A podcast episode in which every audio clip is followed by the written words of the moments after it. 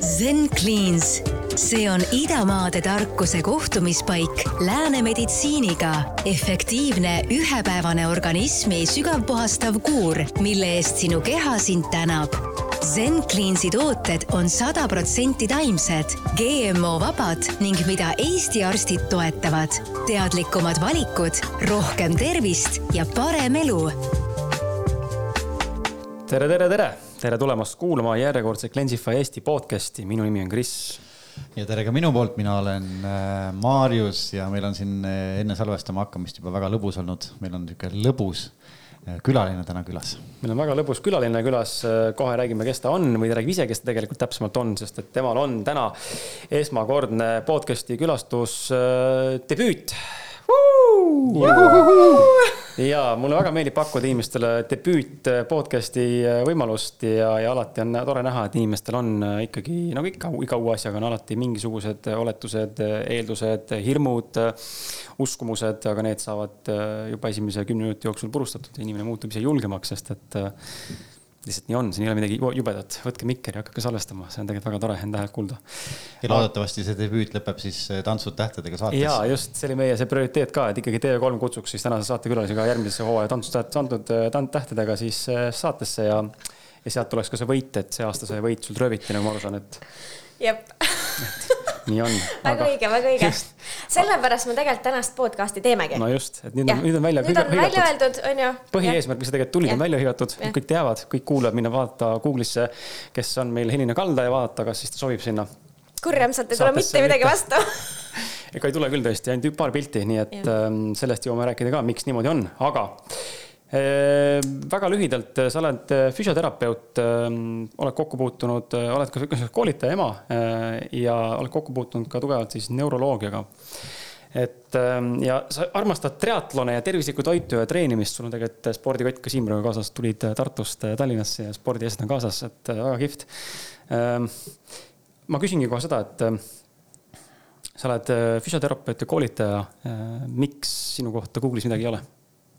Oi, vaata kohe magusad küsimused ära äh,. tegelikult see on natuke taotluslik ka äh,. ma mingi hetk avan ennast, ma arvan, rohkem.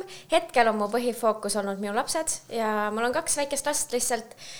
ja mulle meeldib hoida oma fookust, mulle meeldib, kui ma millessegi nagu lähen, siis ma lähen sinna süvitsi ja, ja see on nii, et koolitajana ma töötan Tartus, Tartu Ülikoolis, äh, koolitan arste, füsioterapeute, loen loenguid ja ütleme, et ma tean, et hea turundus vajab omajagu aega mm -hmm. ja omajagu pühendumust ja mul ei ole hetkel veel olnud seda fookust, ma olen ennast üles töötanud.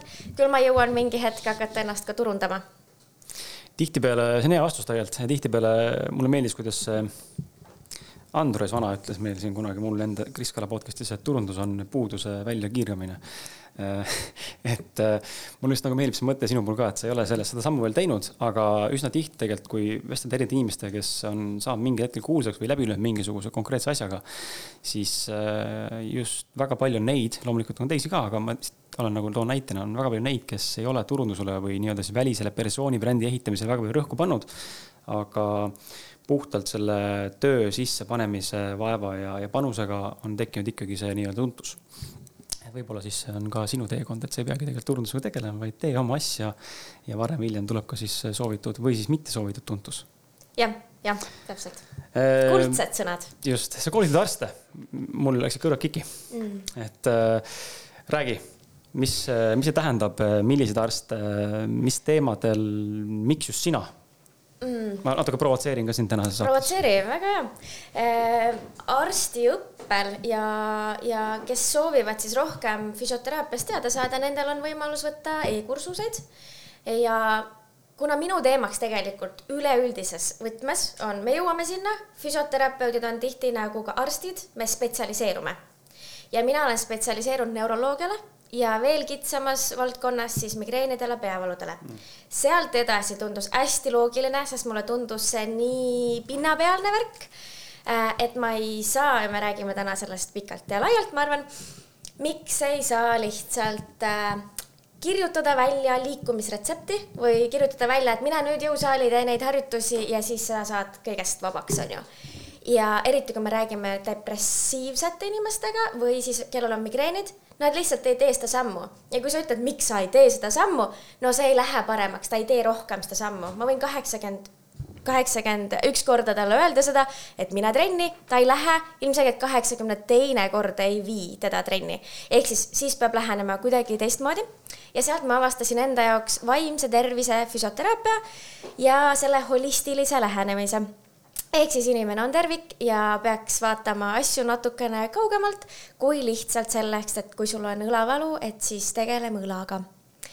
ja seda ma tegelikult proovingi nagu järjest rohkem siia lääne meditsiini tuua, seda ida ja lääne meditsiini kooslust ehk siis ma ei leia, et lääne meditsiin on halb, ma ei leia, et lääne meditsiin on ainuõige, ma ei leia, et idameditsiin on ainuõige, ma leian, et kooslus ja ennetusmehhanism on see kõige olulisem.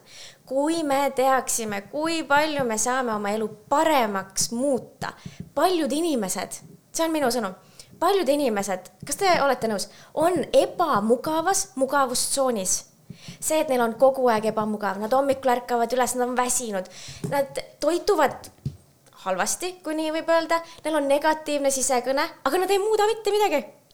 ja siis on nagu see, et kuule, anna mulle mingisugune, kuule, tead, mul on migreenid, anna mulle ravimit. ehk siis nagu suutmatus sellest välja tulla, samas suutmatus nagu midagi teha selles suunas, et tahaks päriselt elada seda ägedat elu, nad ei ole kunagi tundnud seda siin läheb praegu väga teravaks, sest et sa puudutasid väga valusaid teemasid ja ütlesid otse, nii nagu mulle meeldib ka öelda otse, aga inimesed, äh, nii mõnigi tundis ennast siinkohal võib-olla puudutab täna. ja, ja ma tahtsingi seda öelda, et ärge palun mulle nugadega nüüd kallale tulge, aga see on see koht, mis tegelikult võib-olla tihtipeale natuke aitab.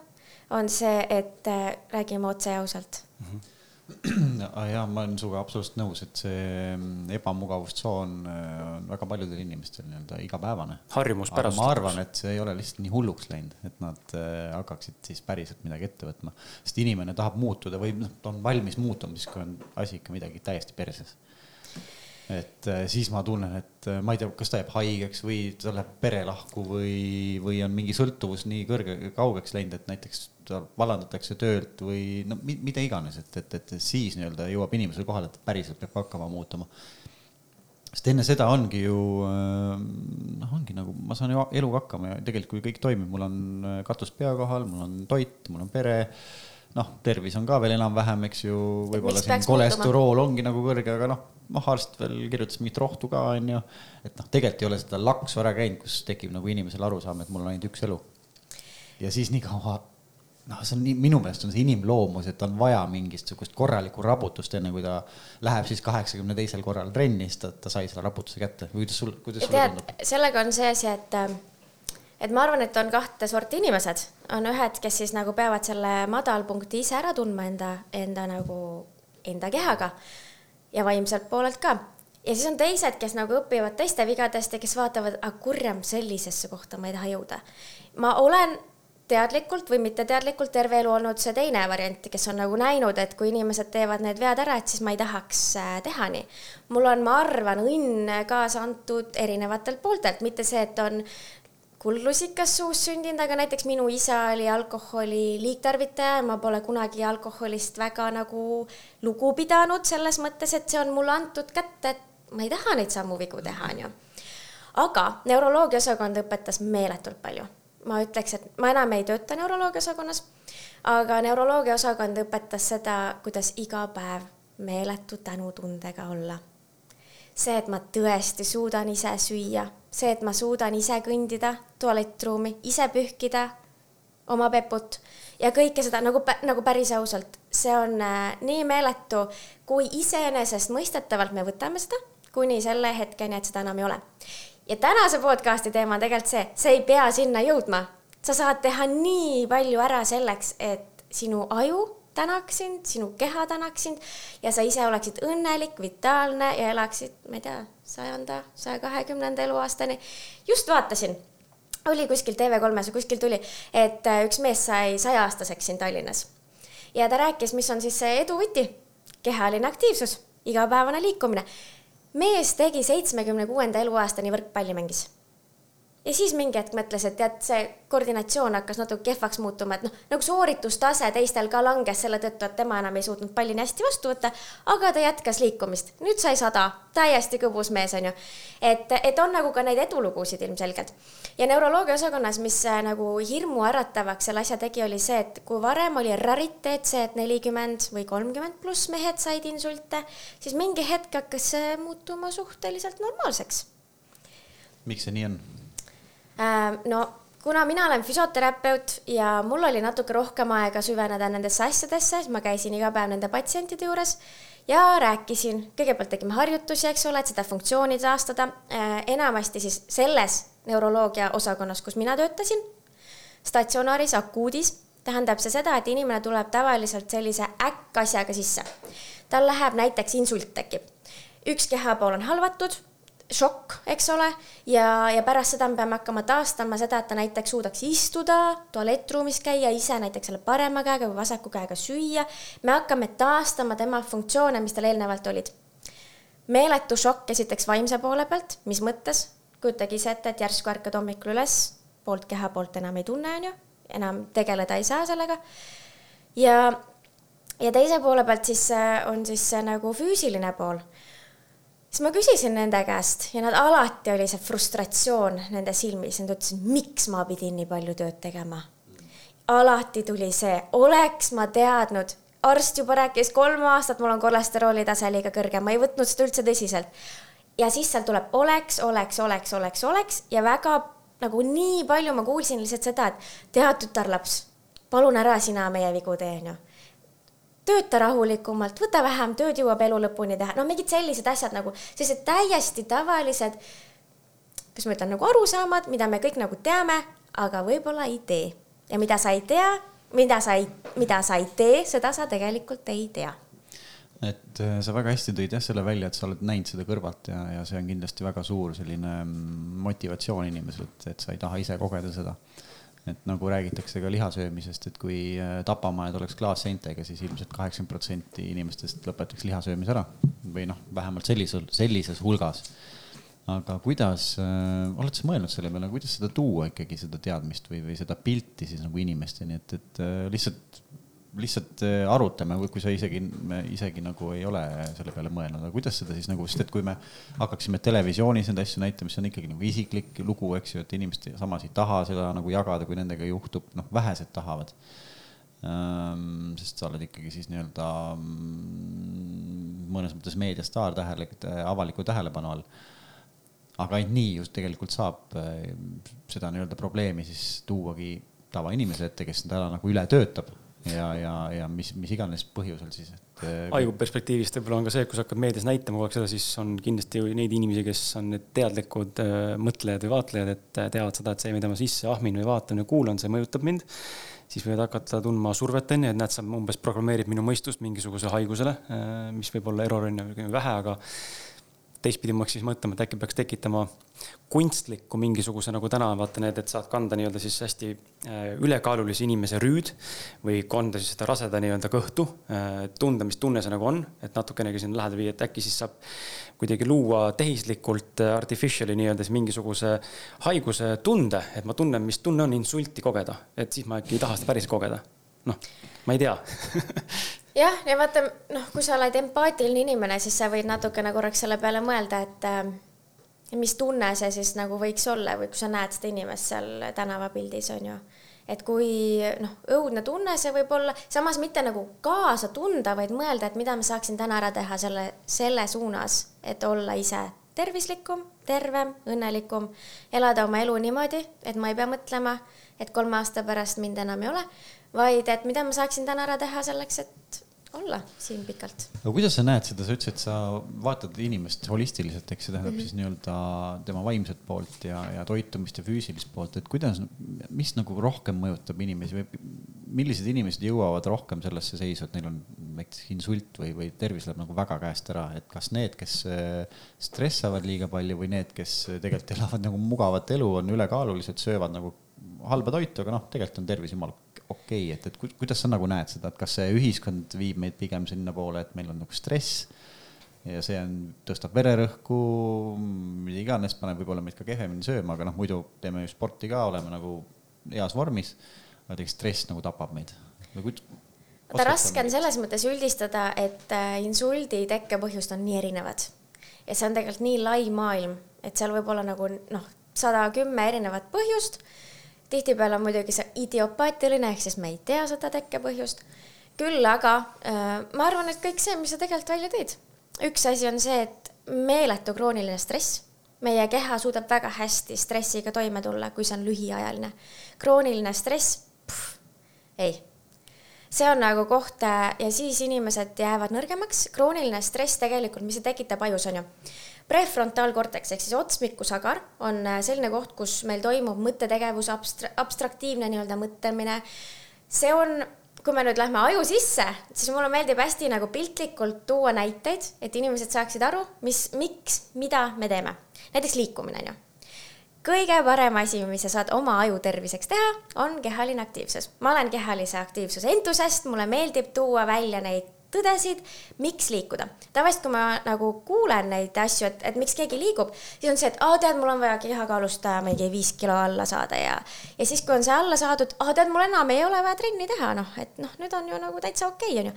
et siis see on nagu hästi pinnapealne. tegelikult, mis toimub meie kehas, kui me liigutame ennast kõigepealt tuleks rääkida siis nagu nendest mehhanismidest.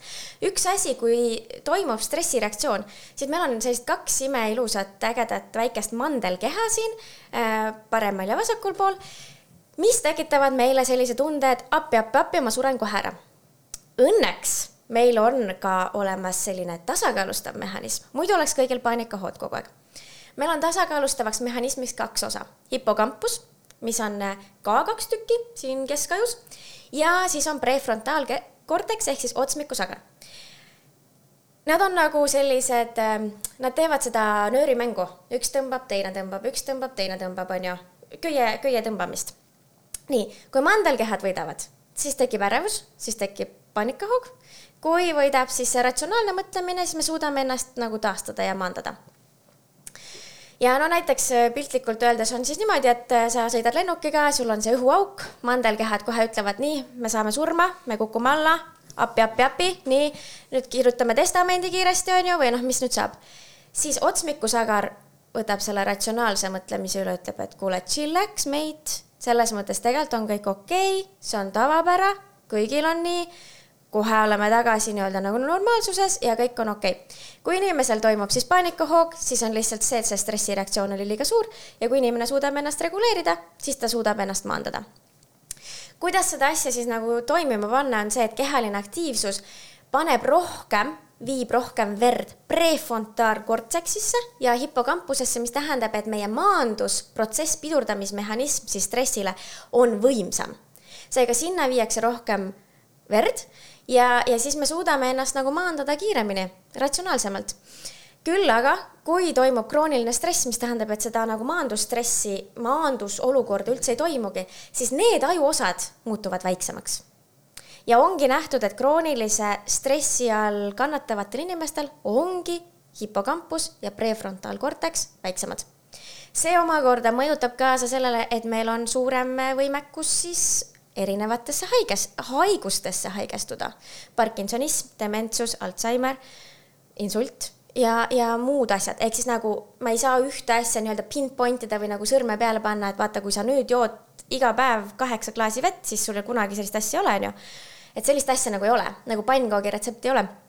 küll aga, kui me oleme kehaliselt aktiivsed, siis me hoiame oma vaimset tervist kõige rohkem isegi on öeldud, kui keegi huvitub sellest rohkem, siis Anders Hanseni raamat äh, Tugev aju on ülimalt hea raamat selle jaoks, äh, kuidas hoida oma vaimset tervist, kuidas ennetada ja kuidas vähendada paanikahooge läbi kehalise aktiivsuse see on ka juunioritele välja toonud äh, raamat, ehk siis nagu teismelistele, teismeliste keeles kirjutatud, väga soovitan ja siin räägibki seda, et paanikahooge on võimalik ennetada siis läbi kehalise aktiivsuse, sest et äh, mis toimub paanikahoo ajal?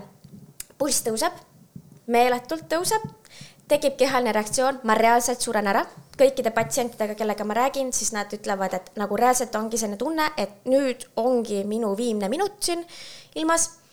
ja, ja siis, mis me saame teha? Läbi liikumise, kui me tõstame pulssi vähemalt paaril korral nädalas sinna saja viiekümne löögini minutis korraks, me tekitame täpselt samasuguse efekti kehas, nagu hakkaks paanikahoog tulema, aga kehalise aktiivsuse positiivseks mõjuks on see, et vallanduvad hoopiski õnnehormoonid serotoniin, dopamiin ja kortisooli tase ehk siis stressihormooni tase hoopiski langeb pärast kehalist aktiivsust.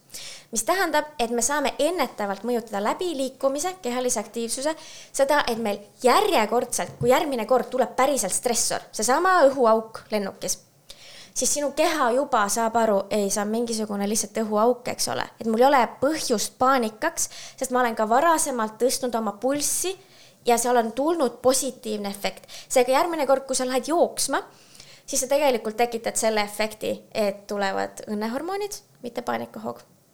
ma olen väga paljusid oma siis äh, vaimse tervise patsiente saanud niimoodi paanikahoogudest mitte võib-olla päris vabaks, aga kindlasti tunduvalt vähendada ärevust ja paanikahooge. me käimegi päriselt koos metsas, liigume, kõnnime, teeme harjutusi. Kes on sihuke, ma ütlen natuke nagu eel, eelprogrammeering siis sellele, et äh, läbi liikumise, eelprogrammeering siis sellele, et äh, programmeerida enda aju äh, vähem minema sellesse seisundisse. läbi sellise noh, natuke on selles mõttes petmine justkui aju, et sa annad talle tegelikult ju läbi teise stiimuli äh, sarnast signaali, mis peaks olema siis see maandamine. sel hetkel, kui see juhtub, eks ole, see ärevus või muu asi. aga et õpiks siis kohanema selle oskusega sagedamini tulla, kutsuda esile siis selle rahustamise. efekti. jah, okei okay. ehk siis selleks tuleb lihtsalt liikuda selleks tuleb liikuda ja tegelikult aeroobne ehk siis vastupidavustreening on vaimse tervise koha pealt see A ja O. ehk siis kõnnid, jooksed, sörk, uisutad, suusatad, praegu on fantastilised võimalused selle jaoks. aga jah, liikumine ja alates kahekümnest minutist on leitud positiivset efekti, ehk siis sa võid juba kakskümmend minutit saada väga korraliku mõnusa dopamiinilaksu. Dopamiin meile kõigile meeldib, dopamiin vallandub iga kord, kui ma saan Instagramis like'i, Facebookis like'i, see on seesama asi, samas sellest sa saad sõltuvuse, eks ole. aga kehaline aktiivsus annab sulle ka kõike muud. Ja tegelikult, kui sa ei jõua kakskümmend minutit liikuda, siis kui me räägime, ma ei tea, kas teil on äh, selliseid kuulajaid, kes on ka depressioonis, aga võib-olla nad kohtuvad inimestega, eks ma kujutan ette, et teie kuulajad on väga-väga teadlikud kõikidest asjadest, aga nad väga tahavad oma elu muuta paremuse poole. aga kui inimesel on depressioon, siis äh, paratamatult ta lihtsalt ei taha, ta ei jaksa mm -hmm. minna liikuma. ja see on nagu sama asi nagu öelda depressiivsele inimesele be happy, ole õnnelik noh, issand jumal, mis siis on? Et see on sama nagu sarkastiline. ehk siis äh, mina tegelen igapäevaselt AJK kliinikus, erakliinikus vaimse tervise probleemidega inimestel, inimestega ja läbi selle, et me liigume läbi hingamiste, me proovimegi vähendada siis nende ärevust, depressiooni ja kõike seda mul tekkis enne küsimus, praegu tuli meelde, et äh, sa ütlesid, krooniline stress on äh, inimesel, eks ju, siis on nagu väga-väga halvasti mõjub mm. -hmm. Ma kujutan ette, et kroonilise stressi all kannatav inimene ei tea seda ise, võib-olla isegi ta on nii harjunud sellega. kuidas ta, kas on olemas või? see ongi see ebamugav mugavustsoon. kui ma tahaksin nagu, noh, aga ta võib-olla ei tea, ta mõtleb, et äkki see ongi normaalne. kuidas seda nagu, nagu, kuidas seda nagu kindlaks teha no.? kui ma tahaks teada, kas mul on krooniline stress, kuhu ma minema pean? või kas sinu juurde, kas sa saad selle kindlaks teha kuidagi, sa küsid mu käest mingeid asju või, või kuidas see nagu käib? Sest mm. füüsilise keha pealt, kui on ülekaalune inimene, kes on harjunud selle ülekaalulisusega, see mm. muutub tema jaoks normaalseks, noh, ta saab peeglist vaadates aru, et see ei ole normaalne. tegelikult ma olen ju, mul on raske. aga ma olen harjunud sellega, see on muutunud normaalseks, ta ei tea enam, mis on see normaalne mm -hmm. kehakaal enam all. Sellest... aga sul teistpidi nüüd see Maarja küsimus ei ole ju nii-öelda väliselt nähtav noh, kui sa just väga hästi tunned enda keha. noh, kui just depressioon võib-olla ei teki no tõesti, et sa oled nagu masenduses juba kogu aeg ja kõik ongi mustades toonides, aga pidev nagu stress või krooniline stress ei pruugi olla inimese jaoks nagu. nähtav. noh, ta, ta, ta, ta, ta ei näe ise seda, ta mõtleb, et ta nii ongi, noh, mul, mul ongi raske kogu aeg ja nii käibki. sa ütlesid muidugi, et mul ongi raske. ma tahaks loota, et äkki sellises hetkes inimene mõtleb, et aga tahaks paremat. äkki siis otsiks vastuseid kas sa oled õnnelik, kas sa, kas sa tunned, et sa suudad sellel hetkel, kui sa tahad, tulla keskmesse? kas sa suudad ennast rahustada sellel hetkel, kui on korraks ärevushetk, meil kõigil on ärevust, elevus, ärevus, suhteliselt samad reaktsioonid kehas, on ju. aga et kas sa suudad nagu tulla nii-öelda maapinna peale, kas sa suudad ennast ise teadlikult rahustada, kas sa suudad rahulikuks jääda olukordades, mis on stressi tekitavad? No krooniline ärevus või stress, see on suhteliselt sarnased, on ju. pidev ärevus, pidev õudustunne näiteks sees või, või selline nagu suutmatus keskenduda ühele asjale. see on ka näiteks nii-öelda sümptomiteks sellele, et arvatavasti oleks vaja pausi. oleks vaja lihtsalt nagu mõttepausi, seda pausi, et ma olen siin, tunnen ennast viie meelega ja siis, mis ma saaksin teha, et olla natukene parem versioon endast aga see, mis sa räägid praegu, mulle tundub, et on juba inimese kohta, kes on natuke rohkem eneseteadlikum ehk suudab ennast kõrvalt märgata ja vaadelda, et okei okay,, ma olen praegu jälle ärev ja ma olen ärev olnud juba nädal aega. mina olen täna see inimene, kes tunneb praegu, ma olen stressis. tunnen, ma olen suure stressi all, mis iganes põhjustel. Äh, mõnikord on kergem, mõnikord lihtsam. aga ma näen, et ma olen päris pikalt konstantselt tegelikult stressi all ja ma annan aru endale sellest. nii, nüüd on küsimus, et okei okay,, mina saan hakata tegema neid praktikaid, sest ma olen märganud juba, aga nüüd on inimene, kes ei suudagi teadvustada endale seda, et tegelikult see on tal, aga tal on noh, see tohutu ebamugavustunne, kas on mingeid nagu harjutusi või mingeid, ma ei tea, praktikaid on kohta, kuhu ta peaks noh, ongi, kuhu peaks minema, ta isegi ei tea, et minna sinna. no vot, see ongi selle koha pealt, et tead, mul on päris palju patsiente, kes praegu kirjutavad mulle kaks aastat hiljem tead, doktor Helina ma ei ole doktor, aga väga tihti öeldakse, et teate, doktor Helina, ma arvan, et te ei mäleta mind, ma käisin kaks aastat tagasi sinu vastuvõtul ja sellel hetkel ei jõudnud see asi mulle kohale, nüüd see jõudis mulle kohale, aitäh. ja see ongi, ma arvan, see koht, kui nad kuulavad teie podcast'i, nad nopivad heal juhul üks-kaks asja, võib-olla viis asja siit.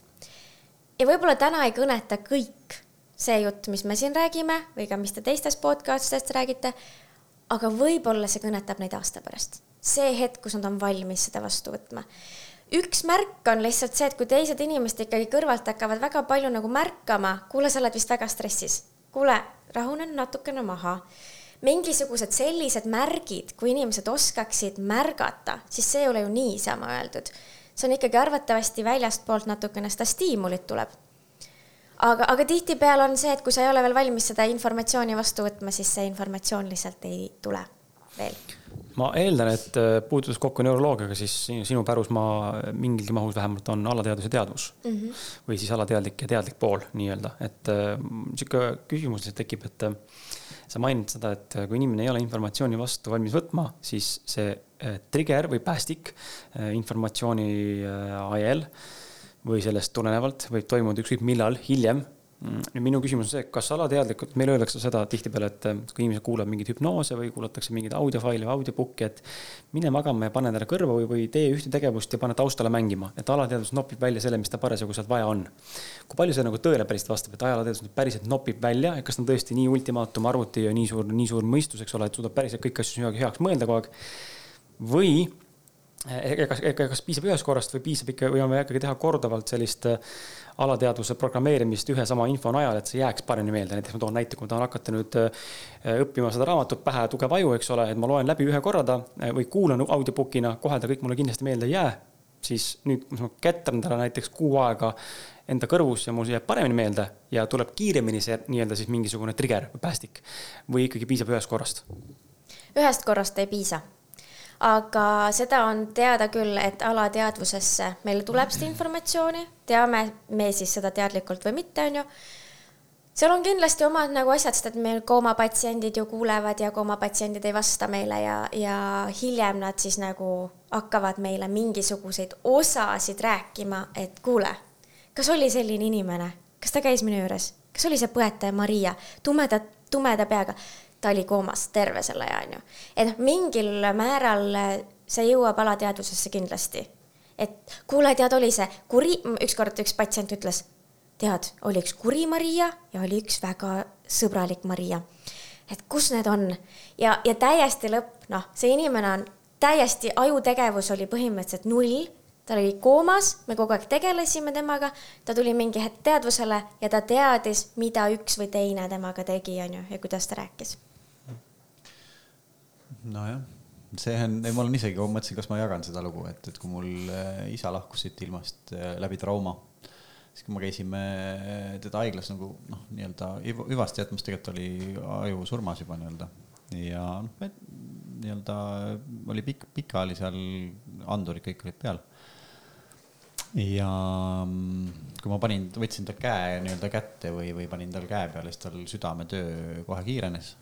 Vererõhk läks ülesse, ehk ta tegelikult noh, kuigi ta oli ajusurm, surm, siis oli see kõik noh, tema keha reageeris nagu sellele et no sa räägid nüüd täpselt samasugust äh, lugu, eks ju, et, et tegelikult see tunnetus on sellegipoolest inimesel pidevalt nagu olemas, kehaline tunnetus.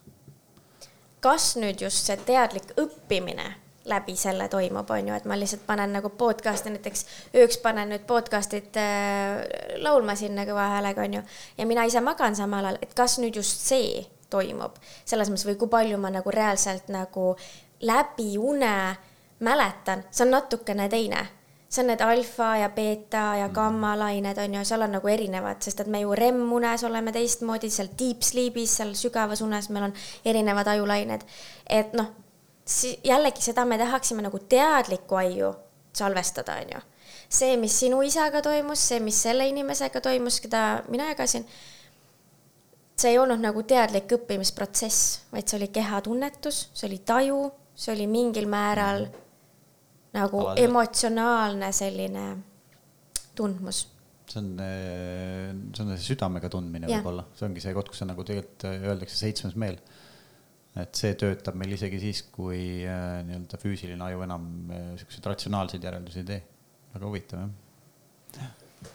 ma tuleks seoks, väga harva teeme, me tõesti väga harva siin saates räägime enda toodetest ma seoks ühe küsimuse sellega, mis saate alguses rääkisid, sa mainisid migreeni mm. -hmm. see oli sinu pärusmaa, sinu maiuspala, äh, see kommikodin, mida sa siis kompasid seal. Äh, tuleks migreenide peavalude juurde, et äh, mina olen inimene, kes ei ole oma elus mitte kunagi kogenud peavalu. Ma ei tea, mis tunne see on. ma ei tea, mis tunne see on. eelmise puhastuse ajal ma tundsin mingeid tuikeid peas ja ma seostasin, et see võib olla nüüd peavalu tunne. aga see ei olnud mul sihuke, et ma ei suudaks olla, aga esimest korda tundsin uut aistingut, mida pole varem tundnud nüüd meie puhastuse ajal, puhastuse järgselt ja puhastuse ajal inimesed kogevad tihti, või mitte tihti, aga ütleme mingiski sageduses kogevad peavalu ja migreenihooge. Need, kellel muidu loomulikult on väga intensiivse peavalu, kogevad võib-olla migreeniga. et ähm, kui palju sa oskad nagu kaasa rääkida, et äh, millest need peavalud tekivad, miks on nii, et mul näiteks ei ole üldse kunagi olnud, välja arvatud nüüd üks kord, äh, miks mõnel väga tihti on, miks mõnel on väga tugevad migreenihood ja tekivad lõpuks mingid paanikahäired üldse sellest juba, eks ole, või üldse mingisugused kokkukukkumised. ja, ja kas äh, detofikatsioon või detoksifikatsioon mõjutab kuidagi siis tõesti seda peavalu esile kerkimist või mis on nende nagu, natuke räägi sel teemal ka juurde. absoluutselt üks asi on see, et äh, migreen ja pingetüüpi peavalu on väga erinevad asjad. pingetüüpi peavalu tihtipeale saab ikkagi pingest alguse, migreeni tegelikult alg-, tekkepõhjust veel ei teata, aga väga paljusti öeldakse, öeldakse, et see on elustiili haigus siiski. Migreenikud seda muidugi väga kuulda ei tahaks, aga sa saad ülipalju ära teha selle nimel, kui sa oled migreenik, et neid migreene kas siis vähendada või päriselt ära hoida migreenid on seotud hormoonidega ja migreenid on väga paljuski seotud sinu elustiiliga, ehk kui palju sa magad, kuidas sa kohvi jood, kui, mida sa sööd, kui palju su veresuhkur siis kõigub üles-alla ehm,. selle tolerantsusega ehk siis äh, väga paljudel migreenikutel on siis äh, mingisugused toidutalumatused või toidu mittetolereerimine, ütleme siis nii. stressitaluvuse piir on madalamal kui näiteks mittemigreenikutel unekvaliteet tihtipeale kannatab ja, ja nende lihased teatud määral mingis kohas on näiteks võib-olla nõrgemad. ehk siis äh, füsioterapeudina ma alustaks sellest, et vaatame sinu elustiili. Pingetüüpi peavalud saavad tihti ikkagi alguse kuklaluul ja siin kaelal ja trapetslihased, mis on siis siin õlgade piirkonnas, siin alustavatest lihastest ja nende pingetest, ka ülemõtlemisest, sellest ruineerivast mõtteviisist, et siis mul on nii palju teha, oota, noh, nagu list kogu aeg jookseb sul peas, on ju. Et siis sa nagu oma mõttetegevusega ajad oma kaela ja näolihased nii pingesse, et see tekitab sulle pingetüüpi peavalu, pingetüüpi peavalu on tavaliselt selline Võru tüüpi peavalu, mis nagu survestab paremalt ja vasakult poolt nagu koos ühiselt või siis on nagu selline vöö oleks ümber pea tõmmatud ja pigistab, pigistab, pigistab. migreen tihtipeale on tavaliselt niimoodi, et see tuikab nagu keegi vasardaks peal tõnn, tõnn, tõnn, erinevas taktis siis, kas siis on silma taga, tavaliselt ühel pool pead. ja see on nii õudne, see on nii õudne tunne, mul õnneks on elus ainult kaks migreeni olnud ja see on äh, pingetüüpi peavalust üle läinud migreenihoog. aga siis tavaliselt äh, kaasneb sellega iiveldus, võib-olla oksendamine. fotofoobia, fonofoobia, see tähendab seda, et sa ei suuda sellist here, heledat äh, valgust silmadesse lasta, nad tahavad olla pikali horisontaalpinnas, teki all, vaikuses reaalselt vaikuses, see on siis see fonofoobia ehk siis igasugune heli õudselt häirib aga kui sa räägid detox'ist, siis äh, see on väga loogiline, et inimesed tegelikult tunnevad seda. see, äh, selline asi on olemas nagu ajubarjäär. Aju ei lase sisse väga erinevaid aineid, äh, mis sinna ei peaks sattuma. küll aga tihtipeale need satuvad sinna. ajubarjäär on väga hea selline kaitsekiht, sest et aju on meie kõige olulisem osa, on ju tegelikult ju meie noh, ütleme siis kehast ikkagi. ja kui sinna sisse lasta erinevad äh, toksiinid, siis aju kahjustub ja me teame, et ajurakud ei taastu sellisel määral, nagu teiste organite rakud oskavad iseennast taastada. aju on küll plastiline, aju, erinevad ajuosad saavad siis kahjustuse üle võtta, aga mitte täies mahus. ja nüüd, mis võib juhtuda detoksi ajal, on see, et teatud need, ütleme siis detoksi ainekesed, mis siis nagu vallanduvad, puhastus, mürkained, mis vähe, äh, jah, puhastuse ajal siis vallanduvad, need jõuavad sealt barjäärist läbi ja tekitavad peavalu. Need väljutatakse, need ei kuhju kuskile aiu, aga nad tekitavad sellise peavalu see on niisugune läbi, läbitöötlemise nii-öelda protsess lihtsalt sel hetkel. samamoodi nagu näkku võib-olla tekivad punnid, on ju, noh, mingisugused muud kehalised aistingud, eh, võib-olla soolestikust tuleb ebameeldiva lõhnaga rooja, noh, mis iganes, aga selles mõttes see väljutatakse, jah mhm. kas see tähendab ka seda, et inimene, kes on, ütleme, ebatervislikuma dieedi või toitumise peal? Tal on rohkem. tal on neid rohkem ja. või inimene, kellel on äh, pidevamalt rohkem äh, migreenihooge või siis äh, peavalusid, ta võib kogeda ka detoksi ajal rohkem peavalusid. ja, sest see on otseses seos, seoses sinu soolestiku mikroflooraga mm. Ja soolestiku mikrofloora sõltub väga paljuski erinevatest asjadest ja soolestiku mikrofloora mõjutab sinu isusid. ehk siis, äh, kui sul ei ole piisavalt palju häid baktereid soolestikus, siis võib-olla sul on rohkem isusid täpselt selles suunas, mille jaoks sul on neid soolestikubaktereid mm. -hmm. ehk siis, kui mul kui ma olen harjunud jah, ja siinkohal toon välja, et kes on jällegi sellest teemast huvitatud, siis Võlusoolestik, Julia Endersi kirjutatud väga mõnusalt, väga ausalt, seal on ütleme nii, päris ausalt, päris palju kakast kirjutatud, missugune see võiks olla ja nii ehedalt, nii ausalt, see on, äh, see on professori kirjutatud ja väga mõnus lugemine. ja ma olen ise lugenud seda ja, ja see, noh, tema jõudis sinnamaani ka läbi enda terviseprobleemi tegelikult ja miks teda huvitama hakkas ja sai sealt nii-öelda siis lahenduse. ja vaimsest tervisest räägib see ka, nii et kõik on omavahel seotud. kus seda, kus seda saab, mul tekkis täiega huvi. ma võin sulle laenata seda, väga ilmselt seda müüakse ka. ma tahaks endale. ma arvan, et Apollost saab. Varaka oma ka veel, okei okay.. rahvaraamatust või Apollost. Me oleme Apollo fännid, Apollos saab. aga, aga igatahes, eh, ehk siis, kui me jõuame sinna, siis tegelikult soolestik on seotud sinu mõtetega, sinu vaimse tervisega. Eh, depressioon on otseselt seotud soolestiku mikroflooraga. nii et kui siinkohal ma tahaks jällegi kätt südamele panna emadele, isadele, kellel on väiksed lapsed kodus. kui ikkagi laps kogu aeg kurdab soolestiku probleeme, on see siis kõhuvalu, on see siis kõhu kinnisus pidev või kõhu lahtisus, ärge vaadake läbi sõrmede sellele teemale, sest et see mõjutab väga palju tulevikus võib-olla ka tema ajutervist ja loomulikult ka füüsilist äh, tervist, sest kui sa jätkad selle keskkonna, noh, sa ütlesid mikrofloora, täna vist öeldakse mikrobioom tegelikult, mitte mikrofloora enam kõhu mm, kohta mm,. suul on vist mikrofloora, aga kõhus on vist mikrobioom, see on mingi terminid muutused, me räägime samast, tegelikult samast asjast. aga et äh, kui sa ju mikrobiomi jätkad toitmist halbadele bakteritele selle ebakvaliteetse toiduga, mida nad tegelikult nõuavad mingi hetk äh,. tihtipeale need inimesed on küsinud ka, et tihtipeale, et kuidas ma saan aru, kas mul on halvad bakterid, noh mina tavaliselt vaatan selle järgi, kui mul on, mis äh, need sõltuvused mul on toiduga seoses, et kui ma ikkagi küsin, keha küsib nii-öelda või ma tunnen, et on aisting selle suhkru järgi või mingi šokolaadi või minusugused magusad joogid või mingisugune muu. lastel on ju nisu järgi. nisu jah, makaronid. tohutult nisu, nisu, nisu on ju, et äh, sa tood taldriku lauale, mu laps on ka tegelikult sööb väga tervislikult, aga nii kui laual on kõige muu hulgas nüüd see nisu mingil põhjusel, siis kõik muu on lihtsalt läinud. noh, kõik. võta lemmikroog olla mingi, mis iganes, mingi smuuti kauss või asi, mis ta iga päev sööb. nisu, kõik, muud ta ei näe. Seda sööb lihtsalt paljalt, noh. ja siis sa mõtledki, et okei. okay.. pane oma lapsele riided. aga jaa, tegelikult see asi on jah ütleme ikkagi päris tõsine teema tegelikult. oota, ma tahan veel korra küsida veel enne, kui me sinna mikrobiomi juurde päriselt lähme.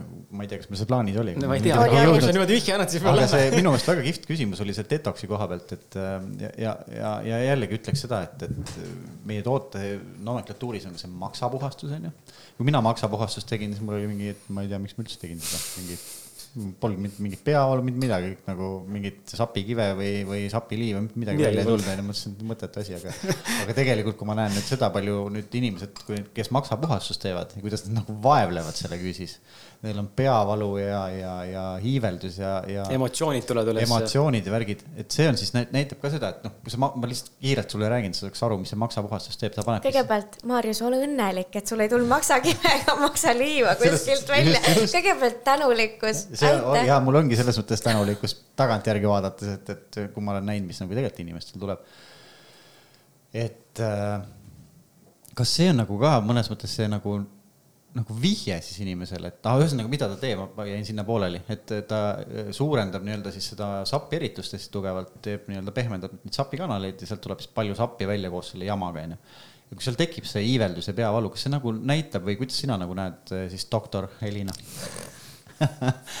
et, et kas sa näed nagu seda ka, et, et siis järelikult see puhastus nagu toimib või? Või mida sa nagu, kuidas sa komment, komment, kommenteeriksid nagu selles mõttes, kes tunnebki nagu detoksi ajal nagu iiveldust, peavalu tugevat ja kes ütleb, et kurat, ma ei taha seda tunda. pigem nagu see on võib-olla just positiivne või kuidas sa nagu näed arstina? sest nii mõnigi võib öelda selle kohta, et aga, aga toob, toob välja mingeid asju, ma hakkan pea valutama, et see küll hea ei saa olla, pani mu pea valutama. mis võib tegelikult olla. pigem võib-olla ongi vihje sellele, et kuule, et äh, tegelikult läks nagu õigesse kohta või?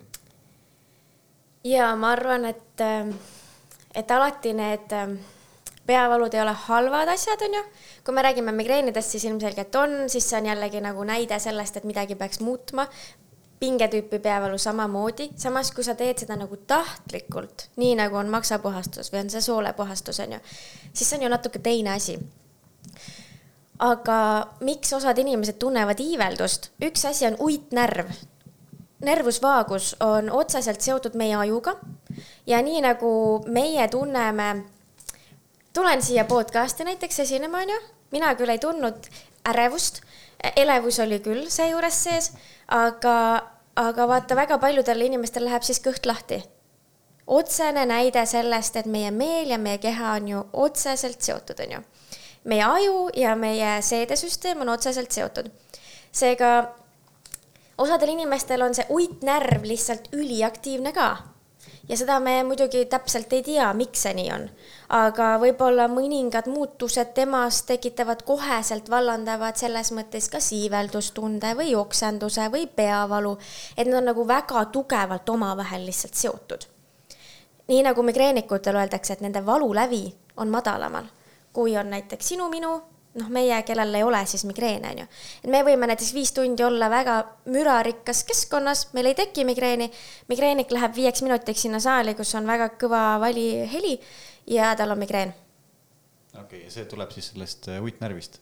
see võib olla üks, üks, üks, üks, üks põhjuseid jah, et uitnärv on lihtsalt nagu tundlikum mm. -hmm et ta on siis läheb nii-öelda automaatselt selle heli peale sümpaatilise, sümpaatiline närvisüsteem äh, rakendub ja, ja, ja tekitab nii-öelda pikemaajalise stressi, mis paneb pea valutama, mis annab ja. tegelikult märku, et mine siit ära, noh, et sa nagu mõnes mõttes ka vihje vaata, samas vaata, keha ju tahab olla mugavas tsoonis, on ju.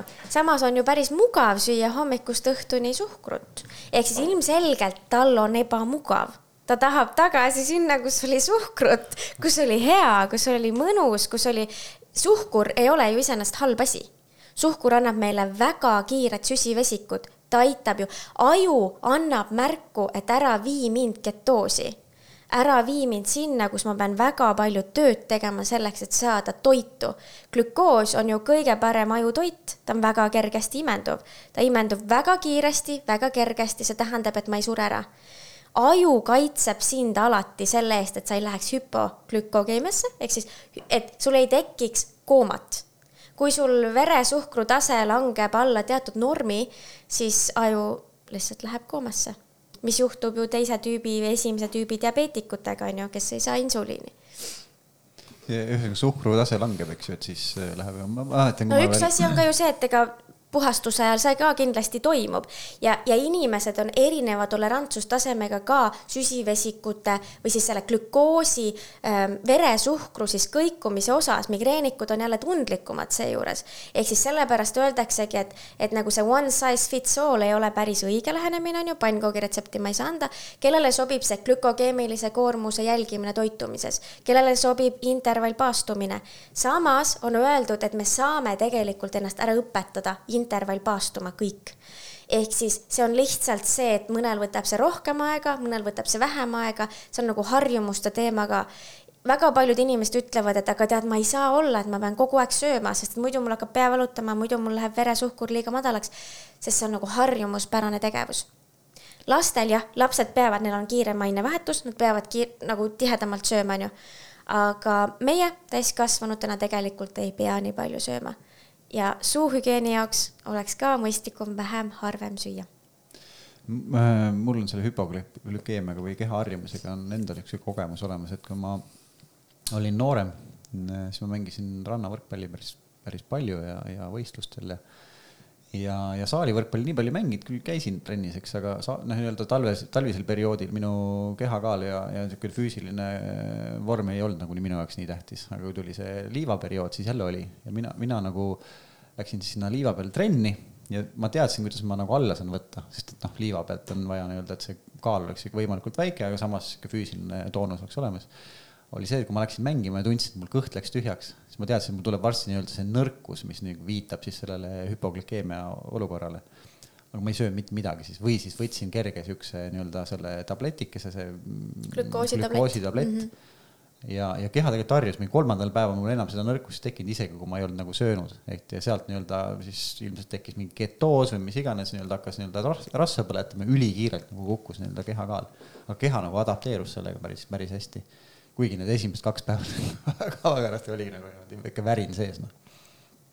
et see vist ongi siis näide nii-öelda mõnes mõttes selle keha adapteerumisest ka, et kuidas saab sellest tundest, et aga kui ma ei söö, siis mul hakkab pea valutama ja, ja nii-öelda põhjusest jätkata nii-öelda seda kehv, nii-öelda halvemaid valikuid toidulaual, siis tegelikult saab lahti sellest. et, et nagu natuke harjutada ja nii-öelda mõnes mõttes sellist nii-öelda willpower'it või, või tahtejõudu siis eh, kasutada, et kannatada ära see värin või, või, või see soov ja, ja siis asi läheb jälle paremaks. just. jah. jah ma tahtsin äh, tegelikult enne seda ka mainida, et te mõlemad rääkisite sellest äh, maksapuhastuse, tõime selle maksapuhastuse tootise näitena sisse ja, ja Maarjus siis äh, mainis, et tal ei tulnud mitte midagi. sealt ei maksa kive, sapikive või sapiliiva, eks ole, või. Ja sina siis ütlesid, et see on hea, et ei tulnud, et ähm, minul tuli, kui ma tegin seda, aga ma räägin back story ka sulle ja siis ma küsin ühe küsimuse ka siia juurde, et.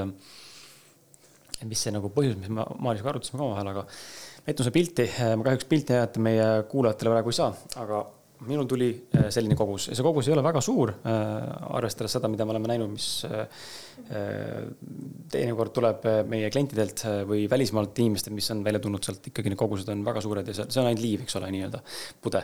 et mul päris kive õnneks ei olnud, ühtegi tükki suurt, aga ikkagi tuli. Ja mind üllatas just see, et ma ise olen nagu üks kaheksa aastat varsti vist juba taimetoitlane.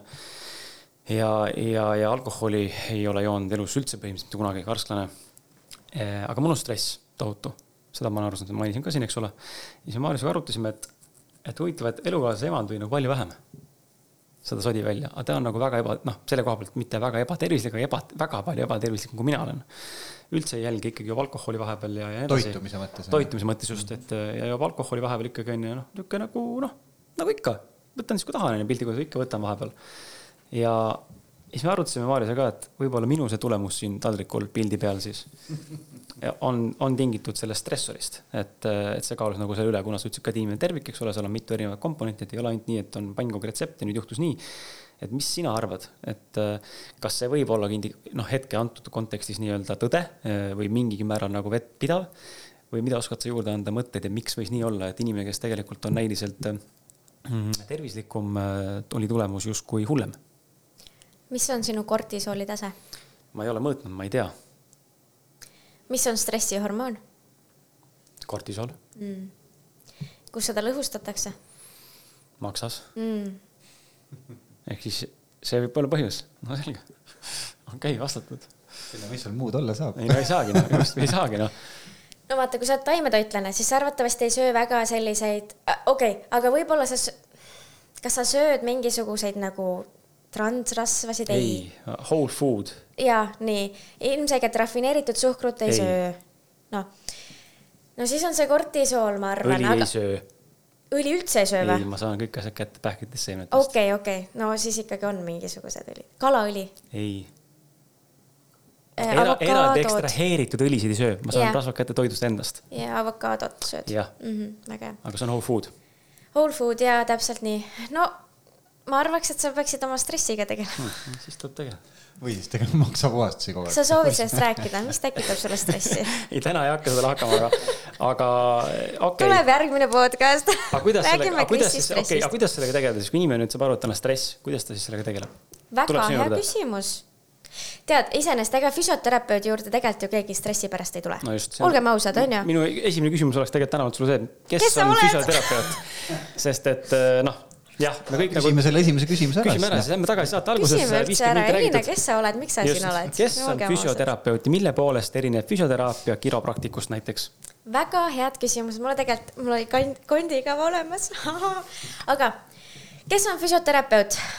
nii, tegelikult füsioterapeut iseenesest vanasti oli RKK, ravi, kehakultuur, ehk siis füsioteraapia on selline ravivorm, mis on tegelikult taastuse jaoks, noh, ütleme laias laastus on ju, inimene saab insuldi siis mina hakkan temaga tegelema, et tema saaks ta kätt liigutada jällegi samamoodi, nagu ta varasemalt sai, või siis püüelda sinnapoole. alati me ei saa funktsiooni taastada sada protsenti, sest kui on kahjustus, siis on kahjustus, alati me kahjustust nii-öelda likvideerida ei saa. küll aga näiteks luumurd, eks ole, siis äh, sind suunatakse füsioterapeudi juurde, kes aitab sul õigeid lihaseid õiges koguses treenida, nii et varsti vinks-vonks, nelja nädala pärast oleks sul jälle kõik samamoodi nagu eelnevalt. nii ehk siis taastusravi põhimõtetel. kui mina käisin ülikoolis seda õppimas, ma olin väga rahul, jäin õppega, aga ma tundsin, et see on pinnapealne. see tähendab seda, et kui ikkagi tuleb jällegi, nagu ma nägin väga palju neuroloogia osakonnas, tuleb inimene, kellel on ka võib-olla algselt depressioon, siis äh, ma ei pane teda võimlema, ma ei pane teda trenni tegema ja ta lihtsalt nõjatub minu peale, et mina midagi temaga teeksin, aga ta läheb ju koju ta on näiteks seitse päeva selles haiglas ja siis ta läheb koju ja siis ta ei tee mitte midagi. ja siis, vaata siis hakkavad asjad äh, halvemaks muutuma, mis tähendab, et see elulemus langeb selle tõttu, et inimesed ei ole kehaliselt aktiivsed. ehk siis, kui su küsimus nüüd teine pool sellest on see, et mis on füsioterapeudi ja kiropraktiku vahe, siis esimene asi, ma ei tahaks üldse vastanduda. teiseks on see, et tegelikult massöör, füsioterapeut, treener, kiropraktik, neil on kõigil väga paljuski mingisugust kattuvat ala. kõik nad peaksid teadma võimalikult palju lümfisüsteemist, äh, on ju massaažist, lihastest, skeletilihassüsteemist, kuidas mida teha, et me ei teeks inimesele kahju, selle asemel, et tegelikult teha kasu Äh, mis nüüd on nagu võib-olla erinevused, on see, et kiropraktik, nii palju kui mina tean, ma olen ise käinud, ma olin tippsportlane äh, kolmteist aastat, ma olin ilu, ilu ja rühmvõimleja ja seal oli treeningmaht oli ikka selline kakskümmend tundi nädalas tegin trenni. ja selle all hakkas siis selg väga korralikult kannatama, seljavalud tekkisid ja mina käisin igakuiselt kiropraktiku juures. kes siis ragistas mind, kes siis tegi manipulatsioone minu seljaga, väga hea hakkas, kuni järgmise korrani ehk siis ma käisin jälle trennis ära, vaikselt hakkas see valu tagasi tulema. tollel hetkel oli minu ähm, see manipulatsiooniviis ainult see passiivne, ehk siis kiropraktik minu silmis teeb rohkem passiivset teraapiat, see tähendab seda, et mina patsiendina ise ei pea midagi kaasa tegema. see terapeut väänab, pöörab, teeb asju, on ju, ja mina saan nii-öelda nagu noh, mõnnatada seal aktiivne füsioteraapia näiteks, füsioteraapias on mõlemat poolt, on passiivsed ja on aktiivsed, aga aktiivne pool võiks olla üheksakümmend protsenti ja passiivne on siis see kümme protsenti passiivne läheb siis sinna alla, et näiteks see insuldipatsient, kes ei suuda iseseisvalt seda kätt tõsta, ma ise liigutan tema asemel seda kätt üles-alla, näitan tema silmsidemega, et tema keha suudab seda teha, ehk siis ma annan tema ajule funktsiooni, vaata, see parem käsi sul liigub. Liigutame seda, võtame selle asja, nii edasi. seal on oma koht, on passiivsel füsioteraapial, aga seejuures inimese osalus selles on ikkagi nagu kaduvväike samas passiivse füsioteraapia alla läheb ka magnet, noh, need protseduurid, eks ole, elektriravi, TENS, noh, erinevad sellised asjad parafiinravid ja nii edasi. aga jätkuvalt inimese osalus selles on nagu väga-väga väike. ehk siis füsioterapeutidena me sooviksime, et inimene oleks ise aktiivne roll selles füsioteraapias. mina annan talle harjutused, ma näitan ette, kuidas ta teeb. ja see üks protsent, mis ta veedab minu juures on tegelikult ju üliväike osa. ehk siis ta ei nõjatuks minu peale, alguses võib-olla on minu roll tema nagu taastuses suurem, siis iga teraapiasensiga, seansiga järjest väiksemaks muutub minu roll, järjest rohkem ma annan rolli talle ehk siis ma annan talle nagu vastutuse tema enda elu eest. kui ta samas käib minu passiivses teraapias, siis ta tuleb minu juurde nii-öelda noh, nagu kintsu kraapima, ehk siis noh, et tee mulle magnetit, tee mulle seda tensi, tee mulle seda elektriravi, mis tähendab, et see sõltub ainult sellest passiivsest instrumendist. ehk siis laias laastus minu jaoks praegu see vahe on kõige rohkem selles, et kiropraktikud teevad rohkem neid manipulatsioone ja füsioterapeudid võiksid rohkem anda aktiivseid harjutusi. aga ma tean, et väga tublid kiropraktikud meil Eestis annavad samuti väga palju harjutusi ise ka ehk siis aitavad sul tugevdada neid lihaseid tegelikult mul tekib järgmine küsimus kohe see, et, et.... kas meil jäi midagi vastamata ei jäänud või? miks me, me küsisime vahele need kaks küsimust, mis pidid alguses olema? No veel? et miks inimene tuleb sinu juurde, oli see küsimus, aga sa vastasid ka sellele juba.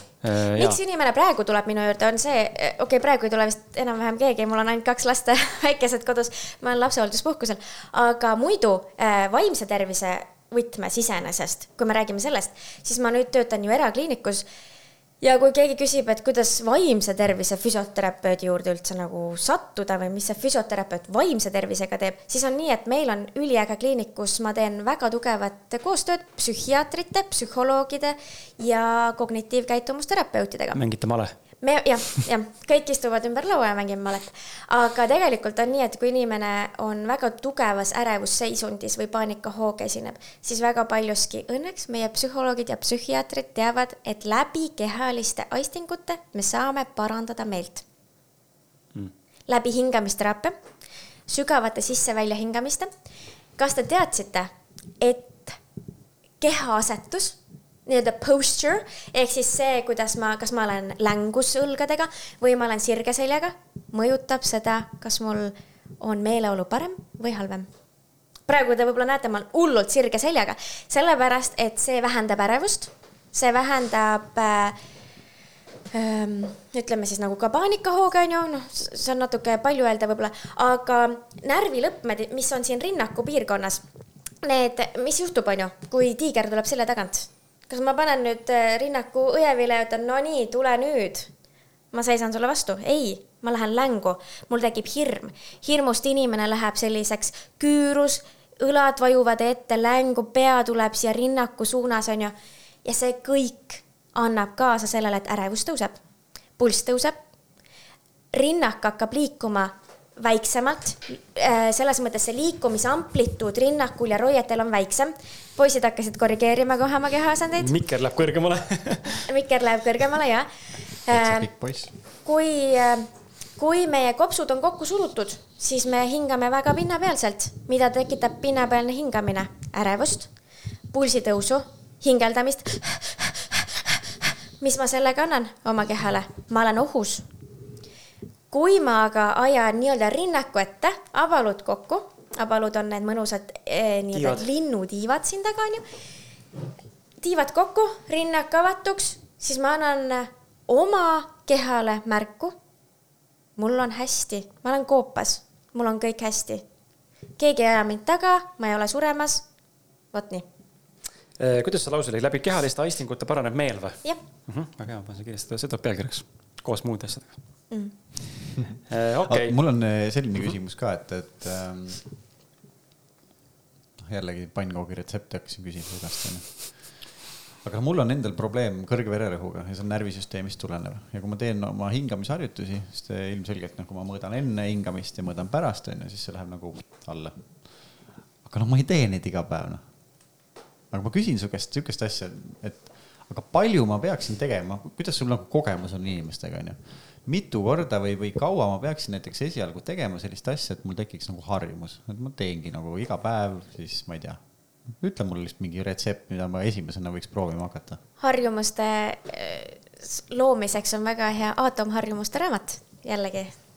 aga see võtab nii kaua aega. see võtab kakskümmend üks kuni kuuskümmend päeva on äh, sellised fundamentaalsed harjumused vajavad tegelikult sisse juurde. kakskümmend üks kuni kuuskümmend päeva erinevatel inimestel on erinevalt.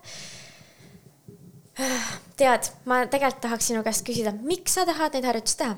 ma tahaks oma vere, ilma tablettideta vererõhu norma-, normaalseks saada. miks see on oluline saada no ma ei normiks? taha seal sinu osakonnas nüüd käeharjutusi teha, noh. miks sa ei taha neuroloogia osakonda tulla? no ma ei taha tulla, ma tahan eh, kvaliteetset elu elada. miks sa tahad kvaliteetset elu elada? no mm, siis ma olen rõõmus ja õnnelik.